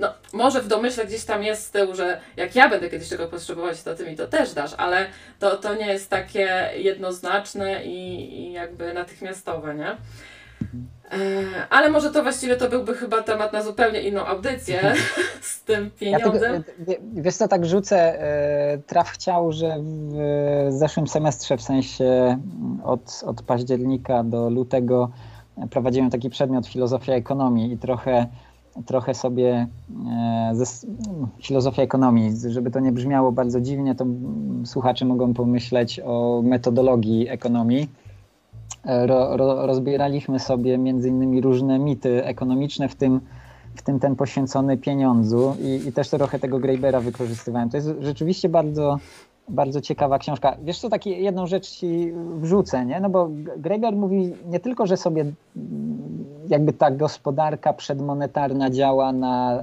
darach, ale też na kradzieży. Nie? Jakby są dwie strony. Jeżeli z kimś mnie nic nie łączy i nie ma aparatu państwowego, to nic mi nie przeszkadza, żebym go poszedł i okradł. E, więc jakby e, jeżeli się coś chce zdobyć, to w tych takich przedmonetarnych społeczeństwach są te dwie, dwie metody. Albo kradniemy, albo dajemy sobie podarki. I tak, masz rację z tym takim aspektem, że mm, oczekujemy, że ten ktoś kiedyś się nam zrekompensuje, ale jest jedna bardzo ciekawa rzecz, na którą Greiber zwraca uwagę. Te darowizny, nawet z tą oczekiwaną rekompensatą, one budują relacje społeczne, tak? Bo jak coś od kogoś dostałem, a za jakiś czas muszę do niego pójść i mu coś oddać, więc mam powód, żeby go odwiedzić, pogadać z nim yy, i tak dalej. Nie? A moment, w którym moment, w którym te e, wymiany są zawsze ekwiwalentne, zwłaszcza kiedy mamy pieniądz i rozliczamy się co do centa, e, no to jest jakby sytuacja, w której nie ma możliwości budowania, e, przynajmniej w tym aspekcie tych relacji międzyspołecznych. A ja bym Cię chciała podpytać o te kolejne cztery książki, które trzeba przeczytać, żeby zrozumieć dzisiejszy świat. Ojej, e, dawno tam ten wykład miałem. Nie wiem, co miałem na myśli. Na pewno męskie fantazje Tewelajta, o których tu dzisiaj wspominaliśmy. Eee, tak jak wspomniałem, tam od kilkunastu lat czytam mniej lub bardziej regularnie coś na temat tego faszyzmu. I żadna z tych lektur nie była dla mnie tak, e, tak e, otwierająca głowę i jakby wywracająca wszystko do góry nogami i, i, i układająca na nowo jak, jak męskie fantazje Tewelajta, które pozwalają zrozumieć nie tylko jakby w wąskim rozumieniu faszyzm, czy e, konkretnie faszyzm niemiecki, ale też w dużym stopniu naszą kulturę, no i chyba przede wszystkim toksyczną męskość ten Graeber na pewno. A trzy pozostałe, o których wtedy No wspomniałem. esej o przyjemności Cezarego Rudnickiego na pewno. E, Ja bym pew- te, teraz tak w, w tym kontekście pewnie bym wspomniał o tym Abramowskim, a, a przynajmniej o tej etyce rewolucji, która była dla mnie ważnym tekstem, ale nie wiem, czy ją miałem na myśli. Też pewnie e, ja, ja jakąś taką sympatią pałam, jed- jedna z moich pierwszych lektur filozoficznych, tu dwie można razem wymienić, bo one w sumie e, obie są krótkie, a stanowią taką spójną, e, spójną całość, to znaczy z genealogii moralności Friedricha Niczego i jakby kontynuację tego tomniku, czyli Antychryst. E, No, kiedyś była dla mnie dosyć ważna lektura. Wydaje mi się, że e, nie wiem, czy teraz gra taką rolę, ale wy, wy, wydaje mi się, że ona też e, jest jedną z takich lektur, które trochę, trochę wszystko odwracają. Myślę trochę o nadzorować i karać Michela Foucault.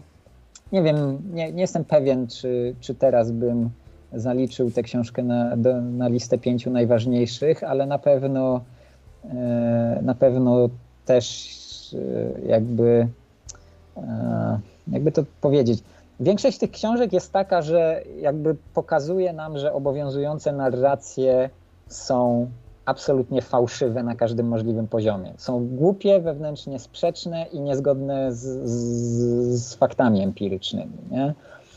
E, czy, czy, zależy oczywiście, w którym okresie te książki były pisane, nie? ale e, co mamy? Cztery pozycje. Tevelite, niech będzie ten Foucault, Graeber, e, może, może ten Nietzsche. E, na pewno e, tu o trochę dwóch takich rzeczach myślę. Bardzo ważną książką dla mnie jest teoria feministyczna, Bell Hooks. Mhm. E, To jest też w ogóle taki wątek, którego dzisiaj nie poruszyliśmy, ale e, jak sobie konstruowałem już to moje pojęcie przyjemności jako takiej przyjemności relacyjnej, związanej z, z, właśnie jakąś taką, takim afektywnym zaangażowaniem w relacje z, z drugą osobą, no to tutaj dla mnie bardzo duże znaczenie miała myśl feministyczna, zwłaszcza e, feministyczna etyka troski, która jest właśnie taką etyką relacji międzyludzkich. E, To już Ale- będzie tego, my tego wszystkiego nie przeczytamy tak szybko, spokojnie, to już wystarczy. Tak, tak, ale to tylko tak, do, tak, tak żeby jeszcze ten, ten jeden kontekst przywołać. Więc, więc teoria feministyczna Bell Hooks, jedna chyba z Tak. najlepszych książek o feminizmie, jakie Okej. czytałem e, i, i katuję nią moich studentów, jak, e, jak lądują mnie na kursie. Okej, to dzięki. E, sobie tutaj spisałam.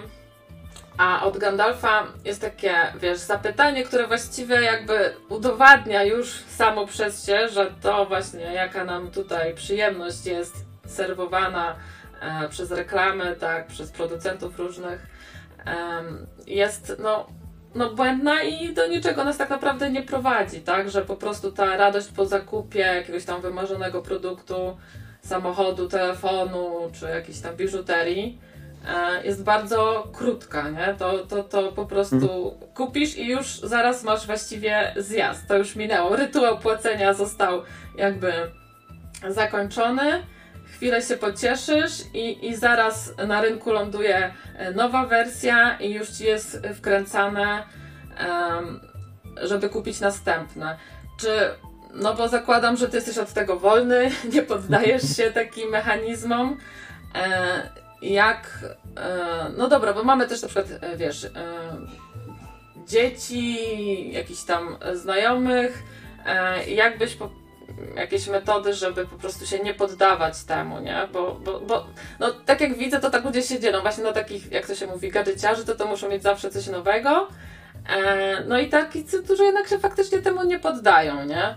E, czy to jest po prostu taki naturalny podział, że ten typ tak ma i proszę bardzo, jak go to bawi, to niech sobie dostarcza tą przyjemność? Czy jednak e, uważasz, że wskazane by było, żeby jednak każdy, wiesz, e, tą taką radość z tego kupowania tych nowości jednak sobie ograniczał? Mm. Wiesz co, e, pytałaś mnie wcześniej o guilty pleasure i teraz jak, za, jak poruszyłaś ten temat, to, to, mam taką lekką guilty pleasure.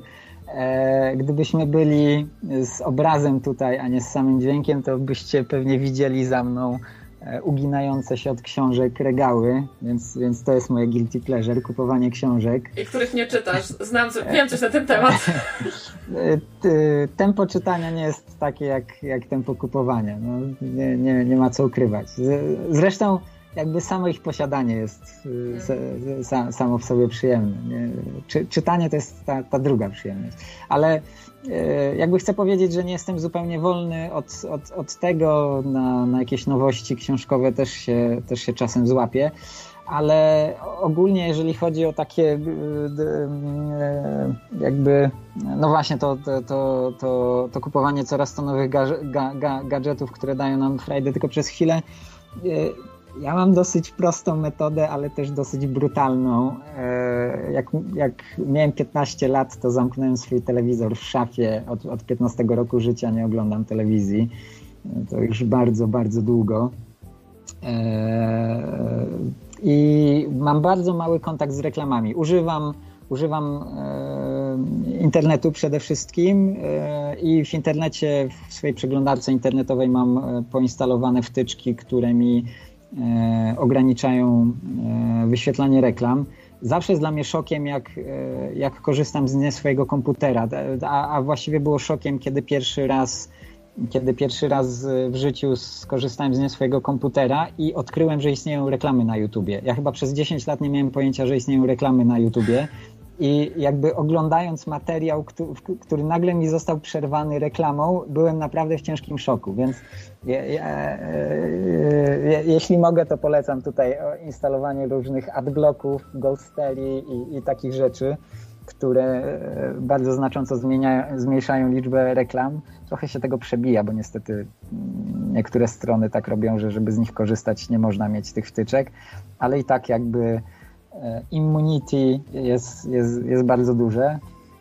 E, a, a, a, telewizji nie oglądam od lat. Czasem gdzieś tam może, nie wiem, jak e, rodziców czy teściów odwiedzam, to, to, to mi się zdarzy i no, ogłupiające są te reklamy strasznie. W sensie jakby to jest przy, przy, przerażające, jaki one sobą poziom prezentują.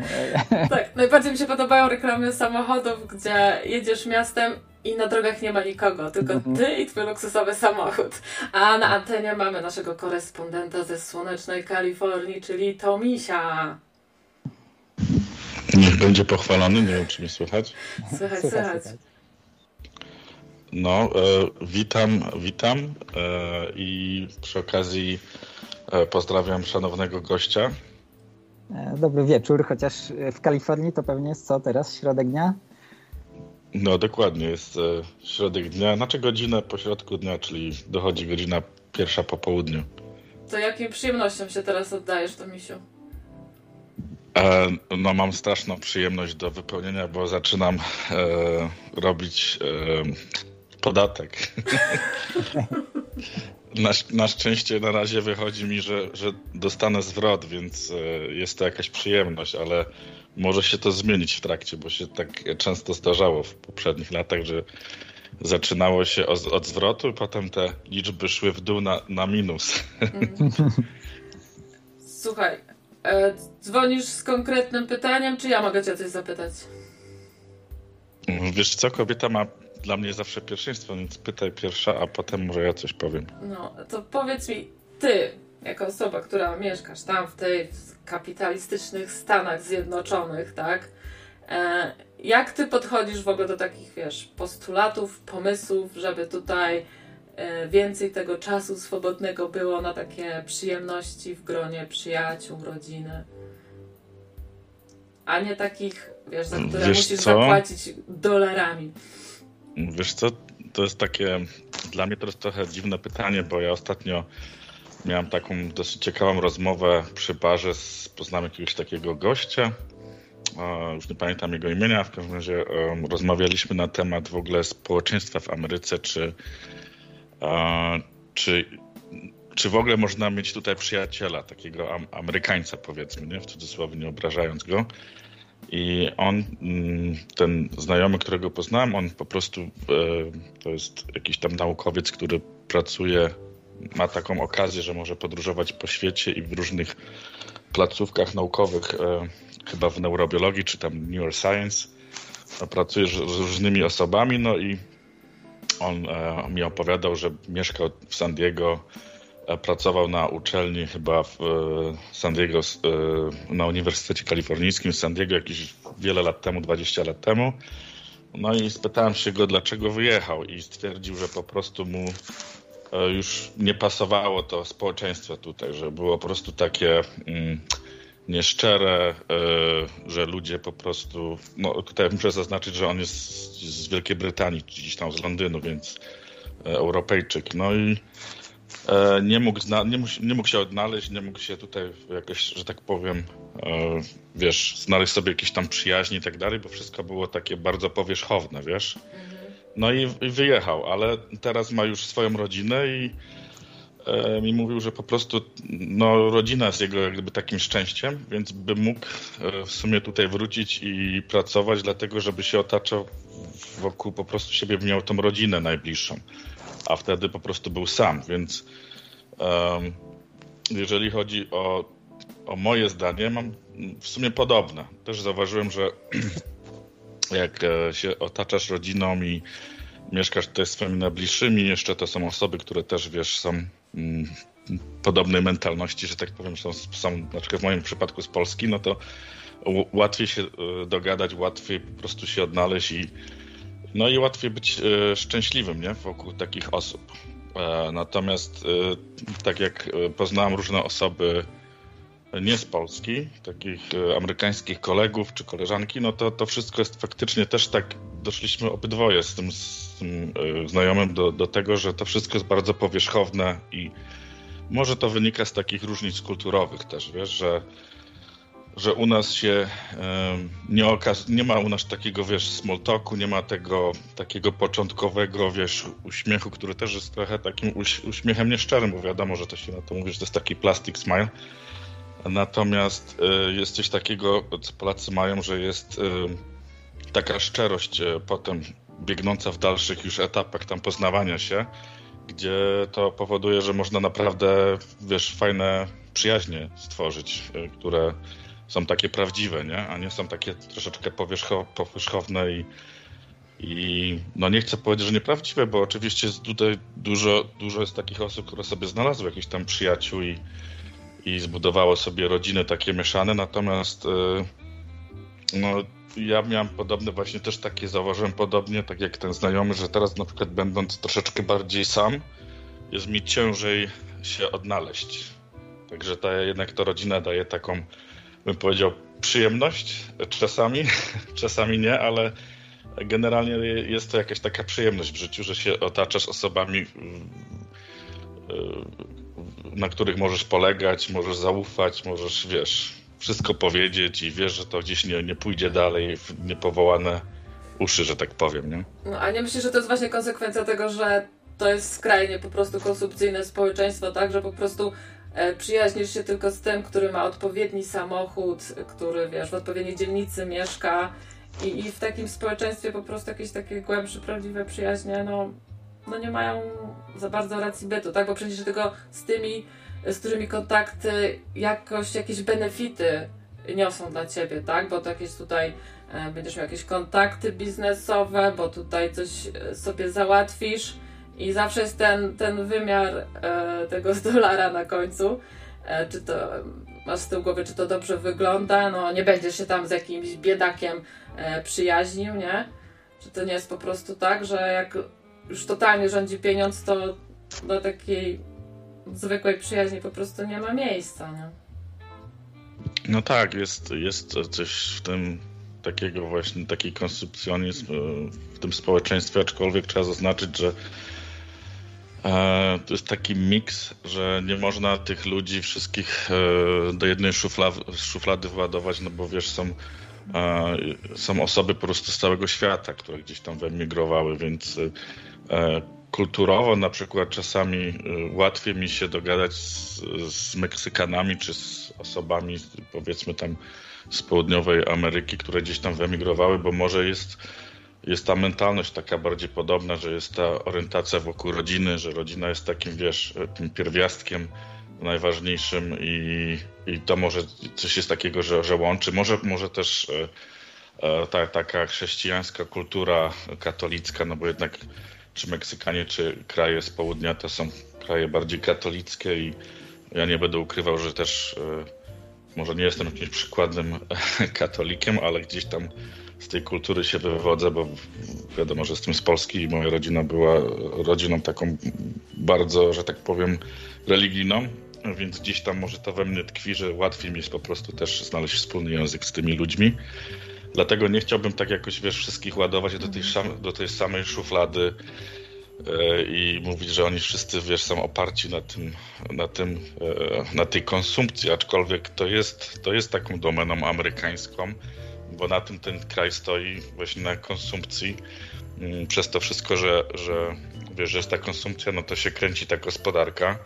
Jest taka, mm, też wynika z tego trochę taka ignorancja, że wiesz, mogą być gdzieś wojny, może, mogą się gdzieś, nie wiem, trzęsienia ziemi, różne rzeczy mogą się na świecie dzia dziać, ale tutaj ludzie i tak pójdą do sklepu, pójdą na zakupy, kupią, wiesz, będą kupowali nowe ciuchy, nowe rzeczy i także sklepy są cały czas pełne. Nie ma czegoś takiego, że ktoś przychodzi e, nie wiem, w weekendy do sklepu, tylko codziennie sklepy masz pełne e, ludzi, którzy sobie przychodzą na zakupy i, i, tak po prostu to wszystko wygląda, nie? Ale nie chciałbym tutaj o zakupach gadać, bo nie o to chodzi.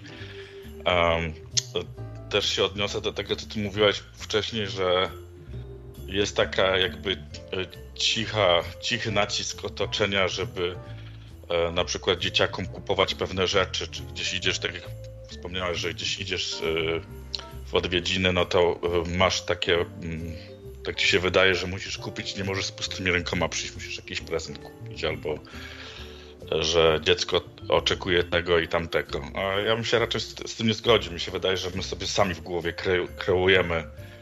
E, nikt nas do tego nie zmusza. Nikt, nikt ci przecież wprost nie powie, nie powie że no, słuchaj. powiem ci, że dziecko, dziecko ci powie ci wprost. A co, co, co mi przyniosłaś? No ale to każdy, to wiesz, to tak zawsze było.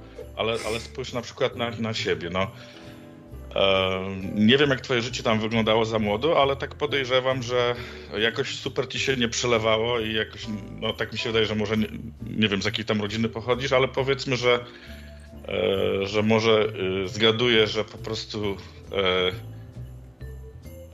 bardzo dużo rzeczy, które pytałaś, może nie dostałaś, tak? Ale wyrosłeś na jakąś tam osobę, wiesz, która ma ambicje, która, wiesz, do czegoś dąży i jest w miarę inteligentna i, wiesz, więc y, wydaje mi się, że umiejętność bycia takim, y, jak to się po polsku mówi, to słowo takie, że mówisz, że potrafisz mówić nie. Asertywność. Pomóżcie mi. Znaczy, pomóżcie mi tylko z tym polskim słowem, że się jest jakim? Asertywnym. Asertywnym, dokładnie. Że wiesz, że bycie takim asertywnym w stosunku do czy do swoich własnych dzieci, czy do innych osób. No, to jest taka umiejętność, która przez, przy, jak, przez jakiś tam dłuższy okres czasu też przyniesie tobie taką korzyść i nawet bym powiedział przyjemność. Bo to wiadomo, że to jest takie, że człowiek się po prostu obawia, obawia tego, wiesz, e, tego jak społeczeństwo zareaguje na, na to, że na przykład od, odmówię, czy powiem, że nie i tak dalej, na tą asertywność ale potem z, z, kolei jak się ktoś tego nauczy, no to czerpie z tego jakąś przyjemność, nie? Że, że potrafi po prostu, wiesz, powiedzieć nie. I tak samo mi się wydaje, że wiesz, jak w stosunku do dzieci, no jak cię na przykład na coś nie stać, no to e, na wszystkie, na wszystkie zachcianki dziecka, no nie możesz wiecznie, wiesz, mówić tak i się tym podawać, bo to mi się wydaje, że to jednak nic dobrego nie, nie przyniesie w przyszłości. A zostawmy dziecku. te dzieci, wykorzystuj gościa, póki go tu jeszcze mamy. Halo, to Misiu jesteś jeszcze? No tak, tak, tak, ale wiesz, no ja za bardzo nie mam jakichś takich konkretnych pytań dla gościa, tylko tak hmm. ogólnie chciałem powiedzieć o. E, bo rozmowa jest o tych przyjemnościach, jak, jak, gdzie, jak poszukiwać przyjemności i e, jak z tego korzystać, żeby w życiu było, wiesz, fajnie, przyjemnie, ale mm, no takie pytanie na przykład do gościa, jak się by odniósł do teorii, która mi się wydaje w Polsce w ogóle teraz jest taka popularna właśnie opartej na tym buddyzmie, gdzie wszystko się troszeczkę bardziej opiera na cierpieniu, a nie przyjemności. Czy ma jakieś zdanie na ten temat? Musiałbyś chyba doprecyzować trochę.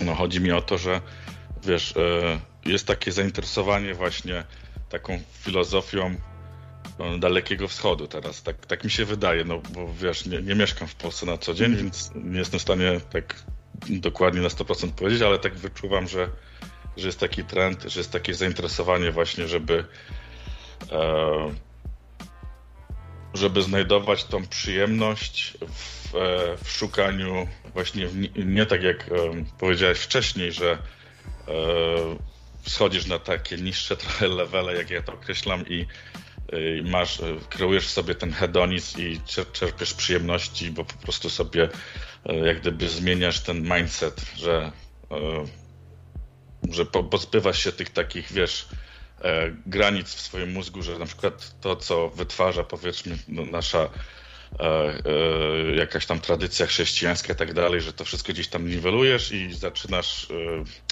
być bardziej taki nieograniczony i korzystasz z tego, z tych wszystkich przyjemności, które są dostępne, takich jak i materialnych, jak i niematerialnych. Natomiast ta filozofia taka bardziej e, azjatycka Dalekiego Wschodu się opiera bardziej na tym, żeby e, się ograniczać, a nie dawać sobie. Nie wiem, czy rozumiesz, co chcę mhm. powiedzieć. Tak, tak, tak. Na ograniczaniu, czyli po prostu E, jest powiedzmy, wiesz, tak jak w buddyzmie mamy to przeświadczenie, że świat jest raczej bardziej wypełniony cierpieniami niż przyjemnościami. I polega to na to, żeby po prostu się ograniczać. E, wtedy będziemy mniej, mniej cierpili. Nie, nie, nie myślałem o tym. Zastanawiam się, czy to jest trochę kwestia banieczek, w jakich się żyje, bo nie, nie mam zupełnie takiego poczucia żeby ten buddyzm jakoś tak e, dominował. Nie wiem, ob, ob, obserwuję jakiegoś tak trochę jakiegoś takiego osuwania się w takie, żeby taką dużą kategorią się posłużyć, bardzo ogólną, jakieś takie new age'owe rzeczy i, i może ten buddyzm najwyżej, czy jakieś takie zainteresowanie tymi duchowościami wschodu bym wpisał tutaj, tak?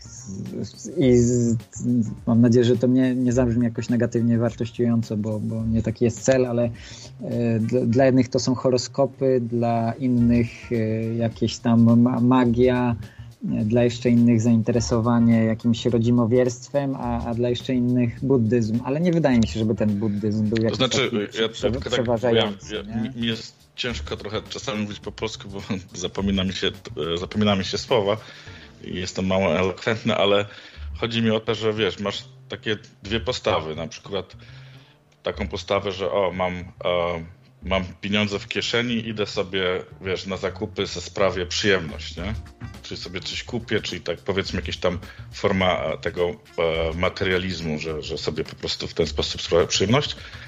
I druga postawa taka, że e, Możesz to zrobić, ale nie pójdziesz do sklepu, bo sobie zakładasz, że pójdziesz do lasu i będziesz się cieszył widokiem tego lasu, jakiś tam mindfulness i te wszystkie inne rzeczy wytworzone powiedzmy z tej właśnie filozofii buddyjskiej, z tej filozofii, że tak naprawdę to wszystko ci jest niepotrzebne do życia, że szukasz po prostu przyjemności e, w tym, co cię otacza, w przyrodzie i tak dalej, nie?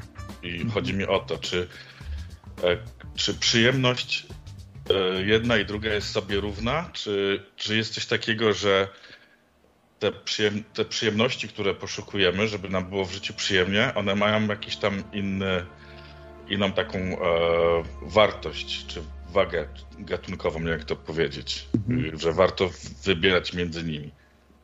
Mm, okej, okay, rozumiem. To, to, w ogóle też jest taki wątek, o, e, który zahaczyliśmy e, o który Anna zahaczyła na samym po, po początku tej rozmowy, tak? czy, czy jakiejś takiej hierarchii wśród tych przyjemności. Ja w ogóle nie za bardzo w takim kontekście chciałem, chciałem tą, ten cały problem poruszać. Na pewno jakoś wartościuję te przyjemności. Nie? To, to, co wiele razy tutaj padało, czyli jakoś jakoś bardziej jestem zainteresowany tymi przyjemnościami, które mają ten taki kolektywny wymiar, niż tymi indywidualnymi, ale też chcę podkreślić, że ja tych indywidualnych nie potępiam. Nie? Jakby przyjemność ma być przyjemna i tyle, i yy, co najwyżej, żeby nie była przyjemna czyimś kosztem. Nie? To jakby taki minimalny warunek bym, bym nakładał. A poza to, tym. To jedno. Że... Dru, druga sprawa taka, że ta druga przyjemność zostawia ci e, pieniądze w kieszeni też, tak, że masz jakiś zysk. No tak. Natomiast e, tak, tak swoją drogą, je, jeżeli tak o tym mówisz, o tym pójściu, e, pójściu do lasu zamiast nie wiem, na zakupy, E,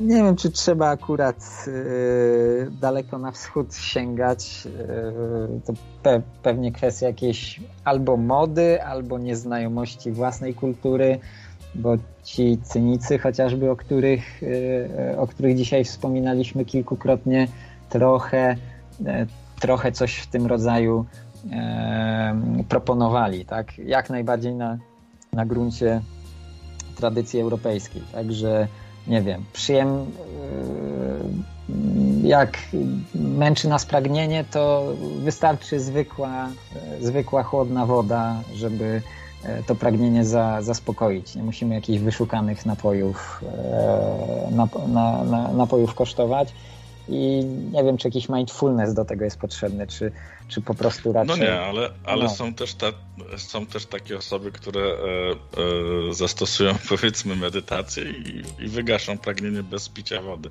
Ja tak mówię w cudzysłowie, mm -hmm, żeby się mm -hmm. trochę tak... Ale e, wiesz, chodzi mi o to, że... Znaczy wiesz, jakbym powiedział, jakby i co jest na końcu tego procesu, w sensie... E, no, wrócę do tego wątku, który, o którym przed chwilą wspomniałem. Czy jak, e, czy jak będę tak wygaszał te swoje pragnienia, to, to, to czy jakby to jest sposób, żeby jakąś wspólnotę budować? Czy, czy to jest trochę ucieczka przed rzeczywistością? Ja jakby nie za bardzo, nie, nie za bardzo lubię takie rzeczy, które e, może brzmią jakoś tak super, bo na, na, nie wiem, są egzotyczne, czy, czy właśnie jakieś takie e, stwarzają po, pozór uduchowienia, ale tak naprawdę są pewnymi formami eskapizmu, tak? uciekaniem przed problemami. Takie, wiesz, jak, jak poruszyłeś ten temat buddyzmu, ja nie chcę, nie chcę jakoś tak yy, jakby bardzo stanowczych sądów na ten temat formułować, bo, bo to nie jest jakiś temat, który, o który się otarłem, ale pierwsze, co mi przyszło do głowy, jak, jak poruszyłeś ten temat, że jakby buddyzm jest, czy tego typu, e, tego typu formy religijności, nawet, nawet często występujące w, w, w obrębie chrześcijaństwa, e, takie eskapistyczne, ucieczkowe, no to są jakby, to, to są jakby formy duchowości, które pojawiają się w bardzo trudnych czasach, kiedy jakby obiektywnie mamy obiektywnie mamy bardzo trudne, e, trudne warunki. Nie wiem, e, kryzys gospodarczy może być długotrwały, długotrwałe wojna, tak, która przynosi cierpienie, ale nie wiem, pewnie też kryzys klimatyczny, tak. No i są ludzie, którzy w obliczu takich zagrożeń będą raczej reagować tym, że chcą coś z tym zrobić, zaczynają działać a są też tacy, którzy jakby z powodów, których teraz nie sposób tutaj w tej rozmowie ocenić, raczej będą e, jakby wiesz, jakieś formy eskapizmu wypróbowywać, a ponieważ pewnie chcą się czuć dobrze ze sobą i jeszcze e, nie wiem, jeszcze jakoś fajnie wyglądać w oczach znajomych, to, to, to będą dorabiały do tego e, jakieś, wiesz, takie mm, nie wiem, e, jakiś taki... No, do, no dobra, ale zadam ci takie pytanie, bo jesteś filozofem i e, może masz e, odpowiedź taką filozoficzną na to. E, taki statystyczny człowiek, jak się rodzi. I tak mówię generalizując. Jak, jak, pytasz o statystykę, to chyba do socjologa pytanie, nie do Nie, ale no dobrze, no to innego słowa użyję. użyję. Przeciętny. Przeciętny człowiek, jak się rodzi, uważasz, że go w życiu czeka więcej cierpienia czy więcej przyjemności? Jak, na, jakiej zasa na jakiej zasadzie, e, jeżeli masz jakieś powiedzmy odpowiedź na to, na jakie, jakbyś to wytłumaczył, tą swoją odpowiedź?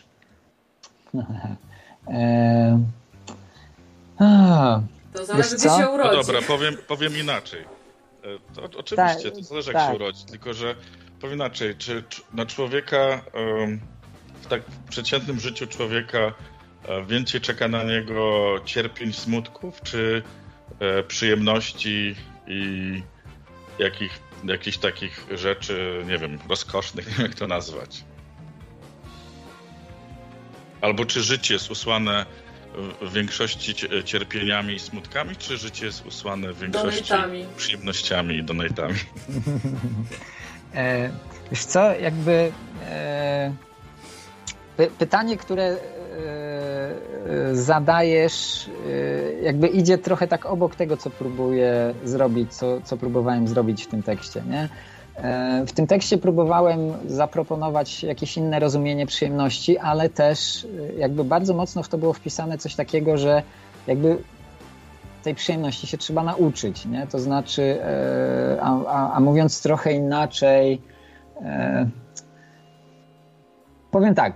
Trzeba umieć mi... dostrzegać przyjemności, chyba o to chodzi, mm. ale ale nie, nie, czy... nie, nie o to mi chodzi. Wiesz co, chodzi mi raczej o to, jak się prowadzi to życie. Ja trochę mnie zaskoczyłeś tym pytaniem, więc. więc to znaczy, wiesz co, bo to... w, moj, w, moim pytaniu jest też taki ukryty. Ja wiem, że tam, ja wiem, co tam jest ukryte. Czy tam nie jest ukryta na przykład e, taki, taka ignorancja do tego, że, że wiesz. Ja mogę na przykład do mojej mamy pójść w każdym momencie i zarzucić, bo mam przykre życie, że po co mnie urodziła, nie? Ale jak się rodzisz, e, to nikt nie gwarantuje tobie, że twoje życie będzie tylko usłane przyjemnościami i rozkoszą, tylko e, to jest coś takiego, że się rodzisz i musisz sobie zdawać sprawę już od początku i nie wiem, może dobrze, żeby też rodzice jakoś uświadomili takie dziecko, że, że w życiu się będziesz zawsze spotykał i z przyjemnościami, rozkoszą, ale też dużo jest cierpienia, smutku i, i przykrych rzeczy i trzeba sobie umieć z tym radzić. I ja, do czego ja dążę, bo też nie chcę, Słuchaj, nie chcę żeby, ja, ja, żeby, ja wiem, żeby to było takie zagmatwałe, więc chodzi mi o to, czy, czy to nie jest taka ignorancja, żeby jak gdyby nie zauważać tych, e, tego cierpienia, smutku i jak gdyby to udawać, że tego nie ma i tylko szukać, tak jakby sobie wyskubywać te przyjemne rzeczy i uczyć się właśnie, żeby czerpać z tych przyjemności, żeby życie było przyjemne ale właśnie czy na tym życie nie polega, żeby w ogóle żyć, czyli żeby mieć wszystkie, wszystkie rodzaje tych uczuć i przyjemność, i smutek, i rozkosz i tak dalej. Może, może właśnie na tym polega życie, żeby umieć radzić sobie też z tymi smutnymi rzeczami i żeby ich nie omijać, nie? O to mi chodzi. O to właśnie omijanie, ignorowanie tych, tego cierpienia w życiu. Tak jakby one w ogóle nie istniało. Znaczy, słuchaj, ja, ja jakby wiedziałem, dokąd to zmierza, tylko zastanawiałem się, e, jak po prostu umknąć z tego retorycznego chwytu, bo jakby dla mnie to jest nic więcej.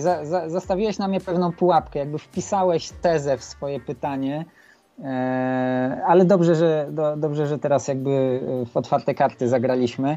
I ja ci powiem, że miałbyś całkowitą rację, gdybyś się tak bardzo nie mylił, bo jest dokładnie odwrotnie. Jakby ja ze wszystkich stron, ze.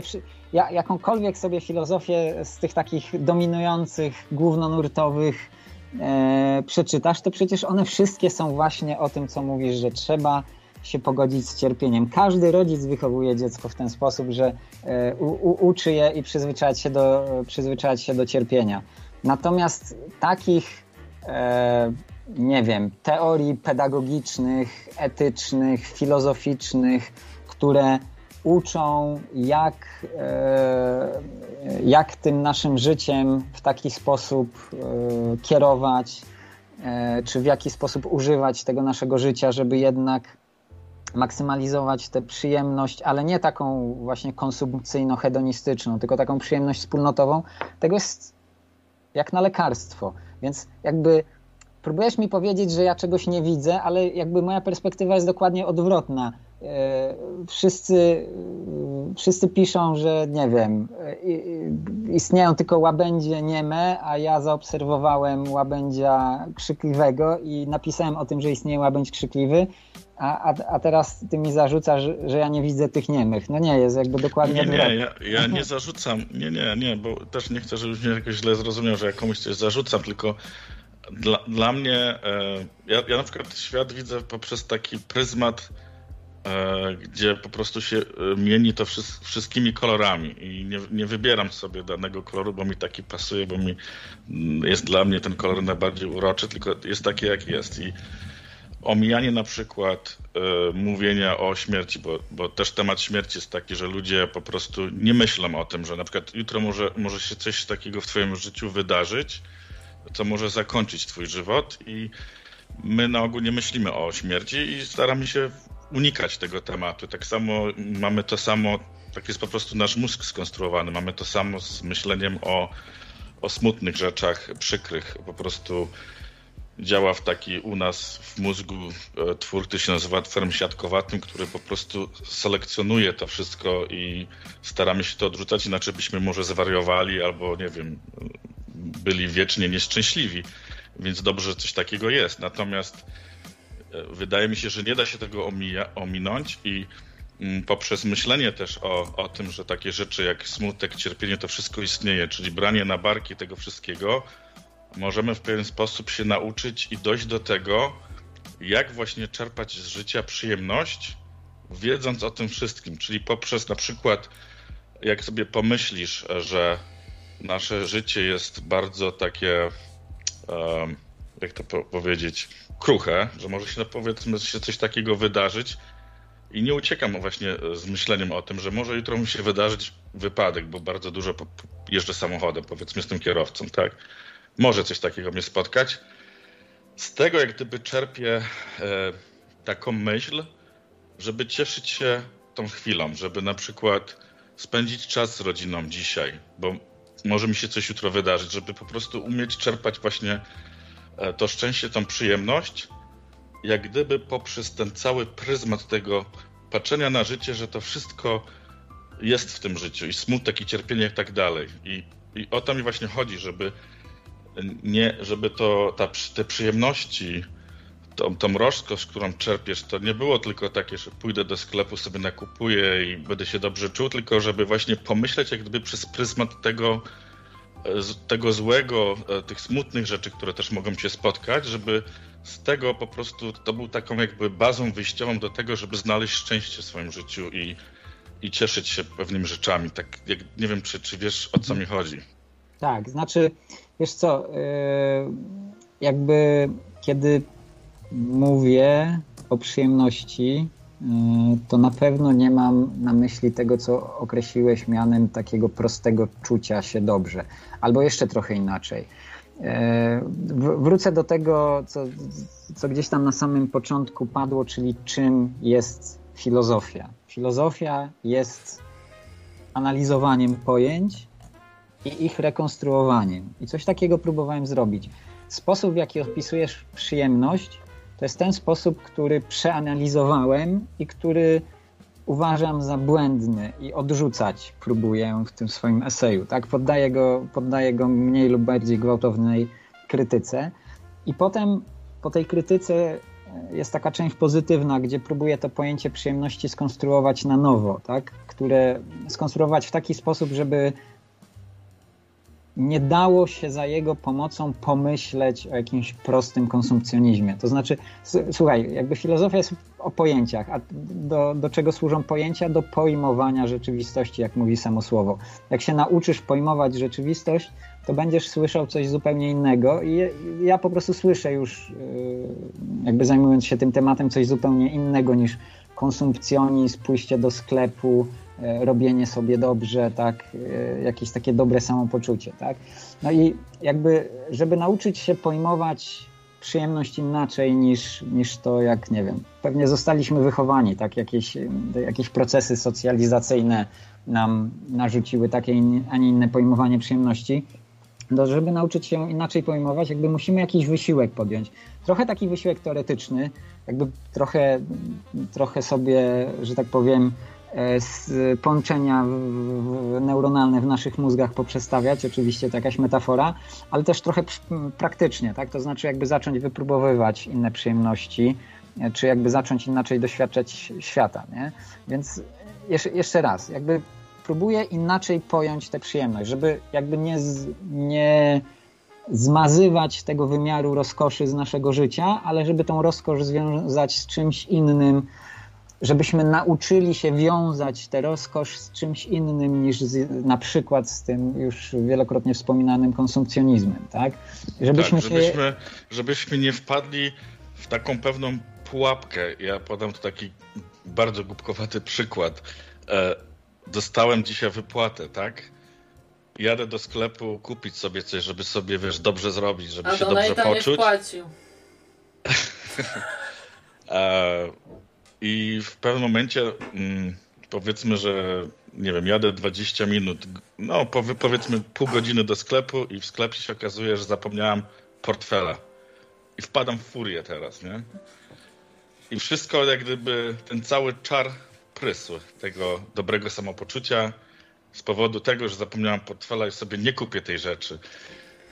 I mi właśnie, nie wiem, to jest taki głupi przykład, ale to jest coś takiego, że w tym momencie wiele ludzi tak właśnie reaguje, że nie mówię tylko też o kupowaniu, ale w różnych takich sytuacjach, że potrafimy w czasie sekundy właśnie mm, zmienić to swoje samopoczucie tylko przez, przez, ta, przez taką rzecz nieprzewidywalną jakąś. I, I wydaje mi się, że takie pojmowanie tego w taki szerszy sposób, tych wszystkich przyjemności, tak jak powiedziałem wcześniej, że w tym momencie sobie na przykład mogę pomyśleć, że się nic nie stało, że wyjdę wyjdę z tego sklepu bez niczego. Pójdę sobie poglądam, wyjdę bez niczego, że jest w życiu, są w życiu ważniejsze rzeczy, nie wiem, nieważne. Ale właśnie pojmowanie e, tych przyjemności w taki szerszy sposób poprzez pryzmat tego, że, że życie jest takie trochę nieprzewidywalne, różne rzeczy mogą się wydarzyć i, i mogę właśnie, może się coś takiego wydarzyć, że zapomniałem tu właśnie tego portfela, to jak gdyby też nas może uchronić od wpadania w taką pułapkę. Tego no więc to może to była opatrzność Boża właśnie, że ty tego e, portfela no nie wziąłeś, nie kupiłeś kolejnej rzeczy, bo ja się chciałam was zapytać, czy to nie jest tak, że my jesteśmy na takim etapie tutaj tej naszej cywilizacji, że my już nie mamy wyjścia, my musimy tak e, prze formować tą naszą przyjemność, że ona właśnie nie będzie związana z kupowaniem, tylko właśnie z taką przyjemnością we wspólnocie, tak, e, gdzieś tam w naturze. E... No tak, bo, bo ja właśnie do tego trochę tak zmierzałem na, na czacie, że, że, te, że myśmy się strasznie zezwierzęcili ze swoimi takimi sposobem, w jakim czerpiemy właśnie te wszystkie przyjemności, że one są takiego najniższego levelu, nie? że na jedzenie się, na kupowanie, że, że nie, nie widzimy po prostu tak, ja mówię też o sobie, bo mi się też to często zdarza i ja się na tym przyłapuję, że nie potrafimy po prostu pomyśleć tak, jak ty teraz powiedziałeś, że że o, to super, że sobie nie kupię, zaoszczędzę te pieniądze, a jutro są, powiedzmy, nie wiem, moje mamy imieniny, to jej kupię za te pieniądze kwiat albo coś takiego, nie? Że, że nie potrafimy y, tego wszystkiego widzieć w takim szerszym aspekcie, tylko jesteśmy tacy, mamy takie właśnie to kanałowe myślenie, że, że muszę sobie teraz tą właśnie przyjemność sprawdzić i nikt, żeby mi nikt nie przeszkodził w tym, bo się wkurzę i wezmę, wyciągnę gnata, co tu się często zdarza i zastrzelę wszystkich w tym sklepie, nie? Wiesz, to jest tak u was w Stanach, bo my w Europie już się musimy zacząć przyzwyczajać do tego, że musimy ograniczać ile kupujemy, ile jeździmy samochodem i tak dalej. E, no i chyba faktycznie no, można by to przeformowanie e, tej przyjemności w tej walce o, to, o tą ekologię, tak, o tą walkę z tym kryzysem klimatycznym może wykorzystać. Ja trochę, ja jakby mam do Ciebie pytanie, bo ja trochę tego nie rozumiem. Od dwóch godzin mówię o tym, że trzeba odwiązać przyjemność od y, kupowania i a ty jedyne przykłady, jakie podajesz przyjemności, to związane z kupowaniem. I, I, pytasz mnie, co jest z tym nie tak. No ja się z tobą zgadzam, że jest absolutnie coś nie tak, ale nie o tym mówię, nie? Jakby od dwóch godzin. Więc... Znaczy kupowanie, bo to, bo to są takie bardzo przyziemne, ludzkie, jak to się po polsku mówi, takie nie nawyki, tylko takie żądze i ja, ja, podaję taki przykład, dlatego że nie jestem zbyt inteligentnym człowiekiem, żeby znaleźć szybko jakieś inne przykłady, ale to mi się po prostu nawija teraz, ale bardzo dużo z takich rzeczy, e, nie chodzi tylko o kupowanie, ale dużo takich rzeczy, że się przyłapujemy, że, że, że musimy coś mieć, bo to nam sprawia przyjemność i to tak jakby e, mamy to takie mm, prawie jak, jak narkotykowe w mózgu połączenia, które działają na ten nasz, nasz pień mózgu, nawet już nie myślimy o tym wszystkim, tylko ten sam pień jest uruchomiony, czyli takie bardziej zwierzęce, gdyby instynkty, e, żeby sobie właśnie sprawdzać, sprawiać te różne przyjemności. I, ten cały mój wywód jest, wiem, że może być bardzo nudny, ale chodzi mi o to, żeby właśnie e, e, przyłapywać się na tym, że tak się zachowujemy, że, że takie jest po prostu teraz życie i starać się jak gdyby ograniczać w tym, albo przynajmniej jak nam się nie udaje ograniczać w tym, to zastanawiać się nad tym, czy jest taka możliwość, żeby widzieć to wszystko w szerszym aspekcie, e, bo jesteśmy w końcu ludźmi, nie jesteśmy, należymy do świata zwierząt, ale jesteśmy ludźmi. To nas właśnie jak gdyby rozróżnia od świata E, innych zwierząt, które się bardziej kierują właśnie tymi swoimi instynktami, żeby się po prostu e, najeść, wyspać i tak dalej i, zaspokajać właśnie te swoje takie przyjemności na takim niższym levelu, a my możemy po prostu jak gdyby spojrzeć na to troszeczkę inaczej i, i ponownie się może spróbować nauczyć tego, żeby czerpać właśnie tą przyjemność, te wszystkie korzyści, rozkosz, ale poprzez ten pryzmat tego wszystkiego, co nas w życiu otacza. No ale właśnie może od zwierząt się powinniśmy uczyć, bo to właśnie zwierzęta dobrze tą przyjemność rozumieją. Zjedzą tylko tyle, ile potrzeba, e, mają dużo czasu wolnego, e, tak, zabijają tylko wtedy, kiedy trzeba i, i, i wiesz, nie, nie, nie budują sobie e, nory jakiejś e, z trzema sypialniami, tylko tyle, ile trzeba. Także mi się wydaje, że akurat w tym aspekcie w drugą stronę poszło, że właśnie uczmy się od zwierząt, tak? Tego minimalizmu. No tak, ale to jest. Ja jestem, ja jestem w sumie.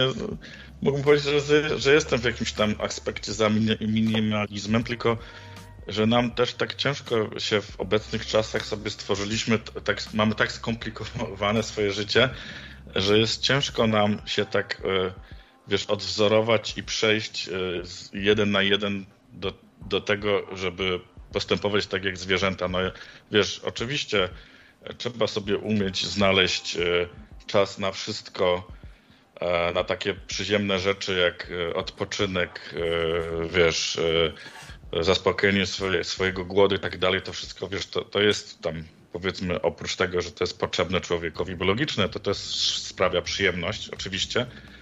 Natomiast mi się wydaje, że świat jest tak rozbudowany teraz jest tak po prostu e, skomplikowany, że no ciężko to jest tak przenieść jeden na jeden, tak jak mówisz, żeby po prostu, wiesz, żebyśmy żyli jak zwierzęta. No nie da się, bo natura zupełnie nas in, inaczej otacza. Na, środowisko naturalne zwierząt jest inne. One jednak, jeżeli powiedzmy, że mają tam naturalne środowisko gdzieś tam w jakimś, w jakimś tam e, sensie utrzymane tak jak było kiedyś, no to mogłem sobie żyć w ten sposób, nie? Natomiast myśmy sobie sami to życie skomplikowali. No Cezarego, poproszę jakieś podsumowanie, bo już musimy powoli kończyć. Zauważ, że te choroby psychiczne, wszystkie e, schorzenia, depresje i tak dalej, to wszystko po części się bierze z tego, że sami sobie jesteśmy trochę winni tego. Sami sobie taki świat e, stworzyliśmy i, i przez wiele lat budowaliśmy. Wiesz co, ten, ten trop ze zwierzętami mi się, mi się podobał. Y, mo, może spróbuję z tego podsumowanie e, zrobić, y, a jeszcze jakoś tak, żeby ująć rzeczy, które teraz na koniec powiedziałeś. To znaczy, że sami sobie ten świat taki zrobiliśmy. Wiesz co, to, są dwie ciekawe rzeczy związane ze zwierzętami, e, które, które jakoś tak. E, b, Jedna może nie jest taka oczywista, bo pewnie trzeba coś tam przeczytać, żeby to wiedzieć. Natomiast druga jest bardzo oczywista i aż dziwię się, że jej nie wymieniłeś. Żadne zwierzę nie korzysta z pieniędzy. To znaczy przyjemności nazywasz, e, mówisz, że ludzie popadają w zwierzęce przyjemności, jednocześnie e, przecież doskonale wiesz, że te przyjemności konsumpcyjne oparte są właśnie na chodzeniu do pracy, zarabianiu i wydawaniu pieniędzy. Zwierzęta nie posługują się pieniędzmi, więc w życiu bym nie nazwał tych przyjemności, do których się tak krytycznie odnosisz, zwierzęcymi, to po pierwsze. A po drugie, jednak zwierzęce przyjemności to nie jest tylko kwestia najedzenia się, wyspania i nie wiem, tam upolowania sobie czegoś, czy, czy, czy nie wiem, e, reprodukcji No dobrze, Jest ale bo wiesz, bo ty, bo ty próbujesz mi Bardzo. trochę zarzucić. No, przepraszam, że przerywam, ale to tak samo można powiedzieć, że zwierzęta nie, nie używają smartfonów, ale e, e, wiesz, przeniesienie No, ale tego jeden do ja jeden jest prawie rozumiem- niemożliwe. Wyobraź sobie rozumiem, czemu siebie. Wyobraź sobie siebie teraz bez smartfonu. No to nie, nie dasz sobie rady w życiu bez smartfonu w obecnych czasach. I co ja chcę powiedzieć? To, że sobie zbudowaliśmy taki świat, że jest oparty na tym, że sobie nie potrafimy tak jak kiedyś radzić i kiedyś byliśmy bardziej podobni do, do, właśnie do zwierząt, bo po prostu się jak gdyby posługiwaliśmy pro, prostszymi metodami, prostszymi sposobami, które mog, mogłyby nam dać taką szansę, żeby właśnie zaczerpnąć trochę tego ze świata zwierząt, tego właśnie tych, tych przyjemności. Ale w obecnych czasach na przykład człowiekowi sprawia właśnie przyjemność korzystania z tego smartfonu, jest od tego, od tego uzależniony. Więc powiedz mi e, na przykład, e, dlaczego zwierzęta nie używają smartfonu? Chciałem tylko Ci zwrócić uwagę, że posługiwałeś się kategorią zwierzęcości w sposób pejoratywny, e, ale to, co opisałeś w zachowaniach ludzi, nie ma nic wspólnego ze zwierzętami. Ja, ja nie, rozumiem, nie rozumiem, dlaczego nazywasz przyjemności konsumpcyjne przyjemnościami zwierzęcymi. To, moim zdaniem wprowadzasz po prostu jakieś takie e, to, to, to, co wszystko mówisz, sorry, nie, nie, nie chciałem takiej karty wyciągać, ale chyba nie mam innego wyjścia.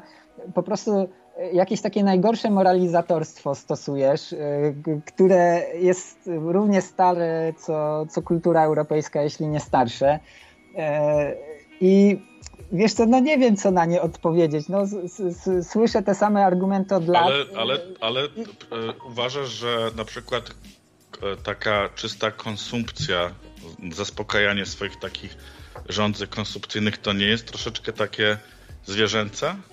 Gdzieś tam tkwiące właśnie w tym pniu mózgu? No, a, a y, dasz mi dokończyć bez przerywania? ja ci chętnie odpowiem na to. Wiesz Oczywiście, co? oczywiście. Wiesz co, e, jest praca takiego e, przyrodoznawcy, który e, na początku XX wieku podróżował po Syberii. To chodzi o bardzo specyficzny moment w historii, kiedy Syberia jeszcze była takim nieskolonizowanym przez człowieka miejscem i zwierzęta tam mogły żyć w taki najbardziej naturalny sposób. I on opisuje zachowania tych zwierząt i zwłaszcza zachowania, które ewidentnie mają charakter, e, charakter przyjemności. Wie, wie, wiesz, co to są za zachowania? To są zachowania kolektywne, tak? Spędzanie czasu e, razem. Więc jeżeli bym powiedział, że jest jakaś taka najbardziej zwierzęca przyjemność, e, to, to jest przyjemność życia w dużej grupie i jakby, nie wiem, cieszenia się wspólną aktywnością w tej grupie.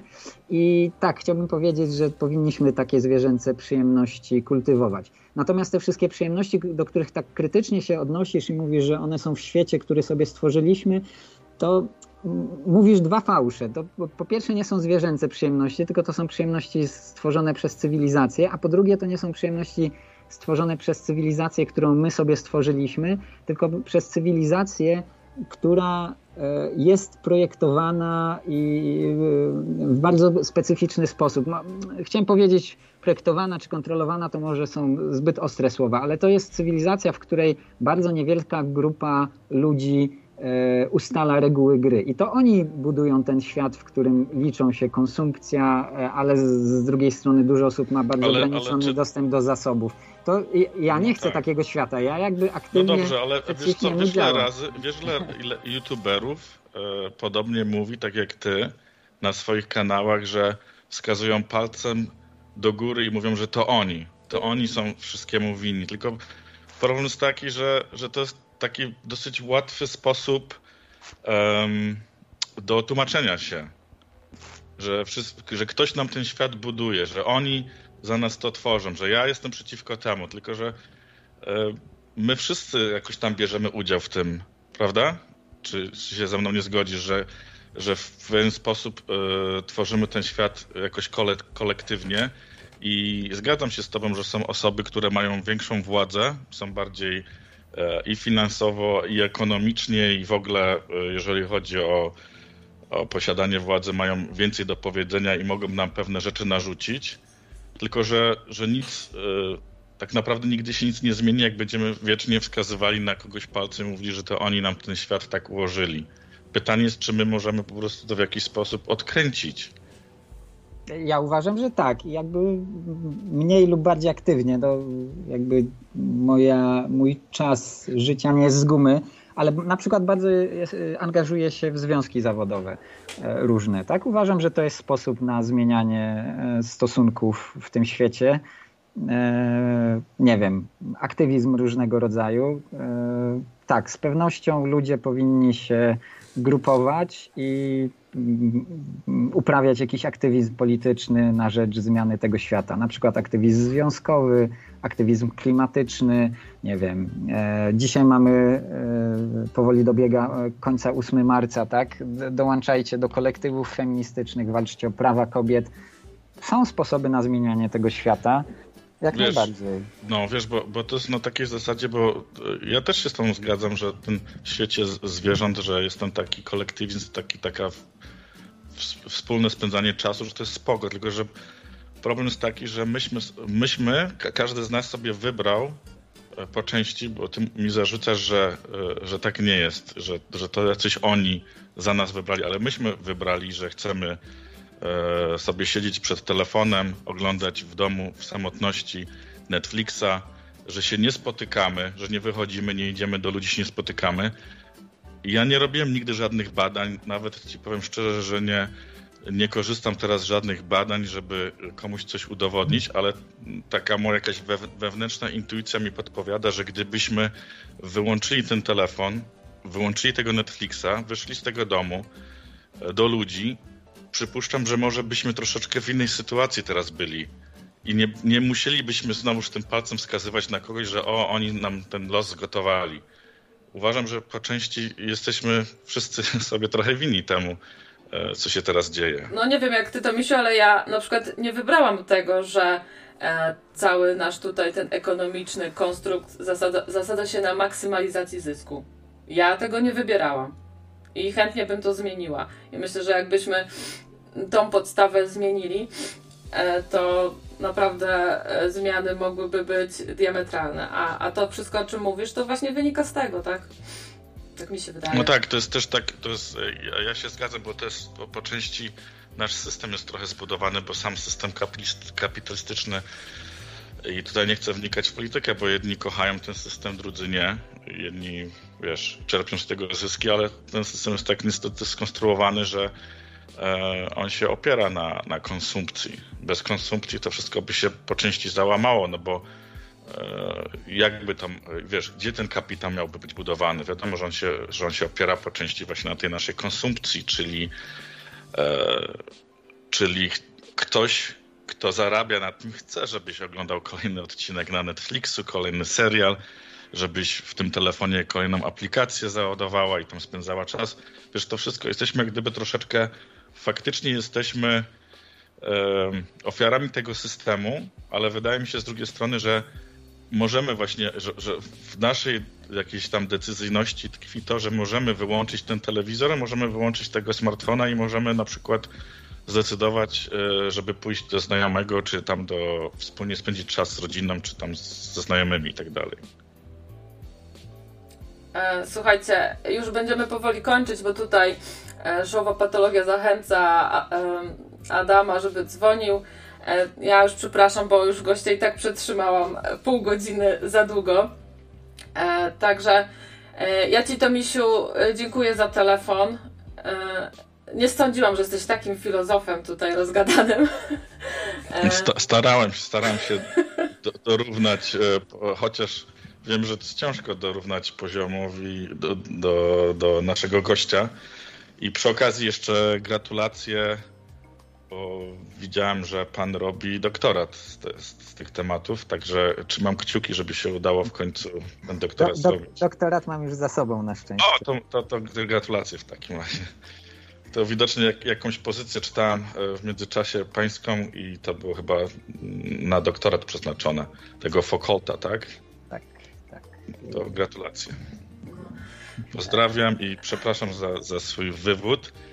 E, po prostu chciałem coś wrzucić do dyskusji, żeby nie było. Nie, tak nie, ma, za co, nie ma za co przepraszać, ale e, ten, ciężko się w krótkiej rozmowie ustosunkować do tych wszystkich wątków po prostu. No, w ogóle filoz filozofia to raczej jest na, na, na taką dłuższą dyskusję niż e, krótszą, tak mi się wydaje. Tak, zdecydowanie.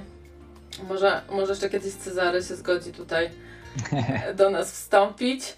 E, no właśnie, a propos dłuższych e, form, e, to oprócz e, tego eseju przyjemności, ostatnio e, wydałeś e, etyka przeciwko moralności, opasłe tomiszcze.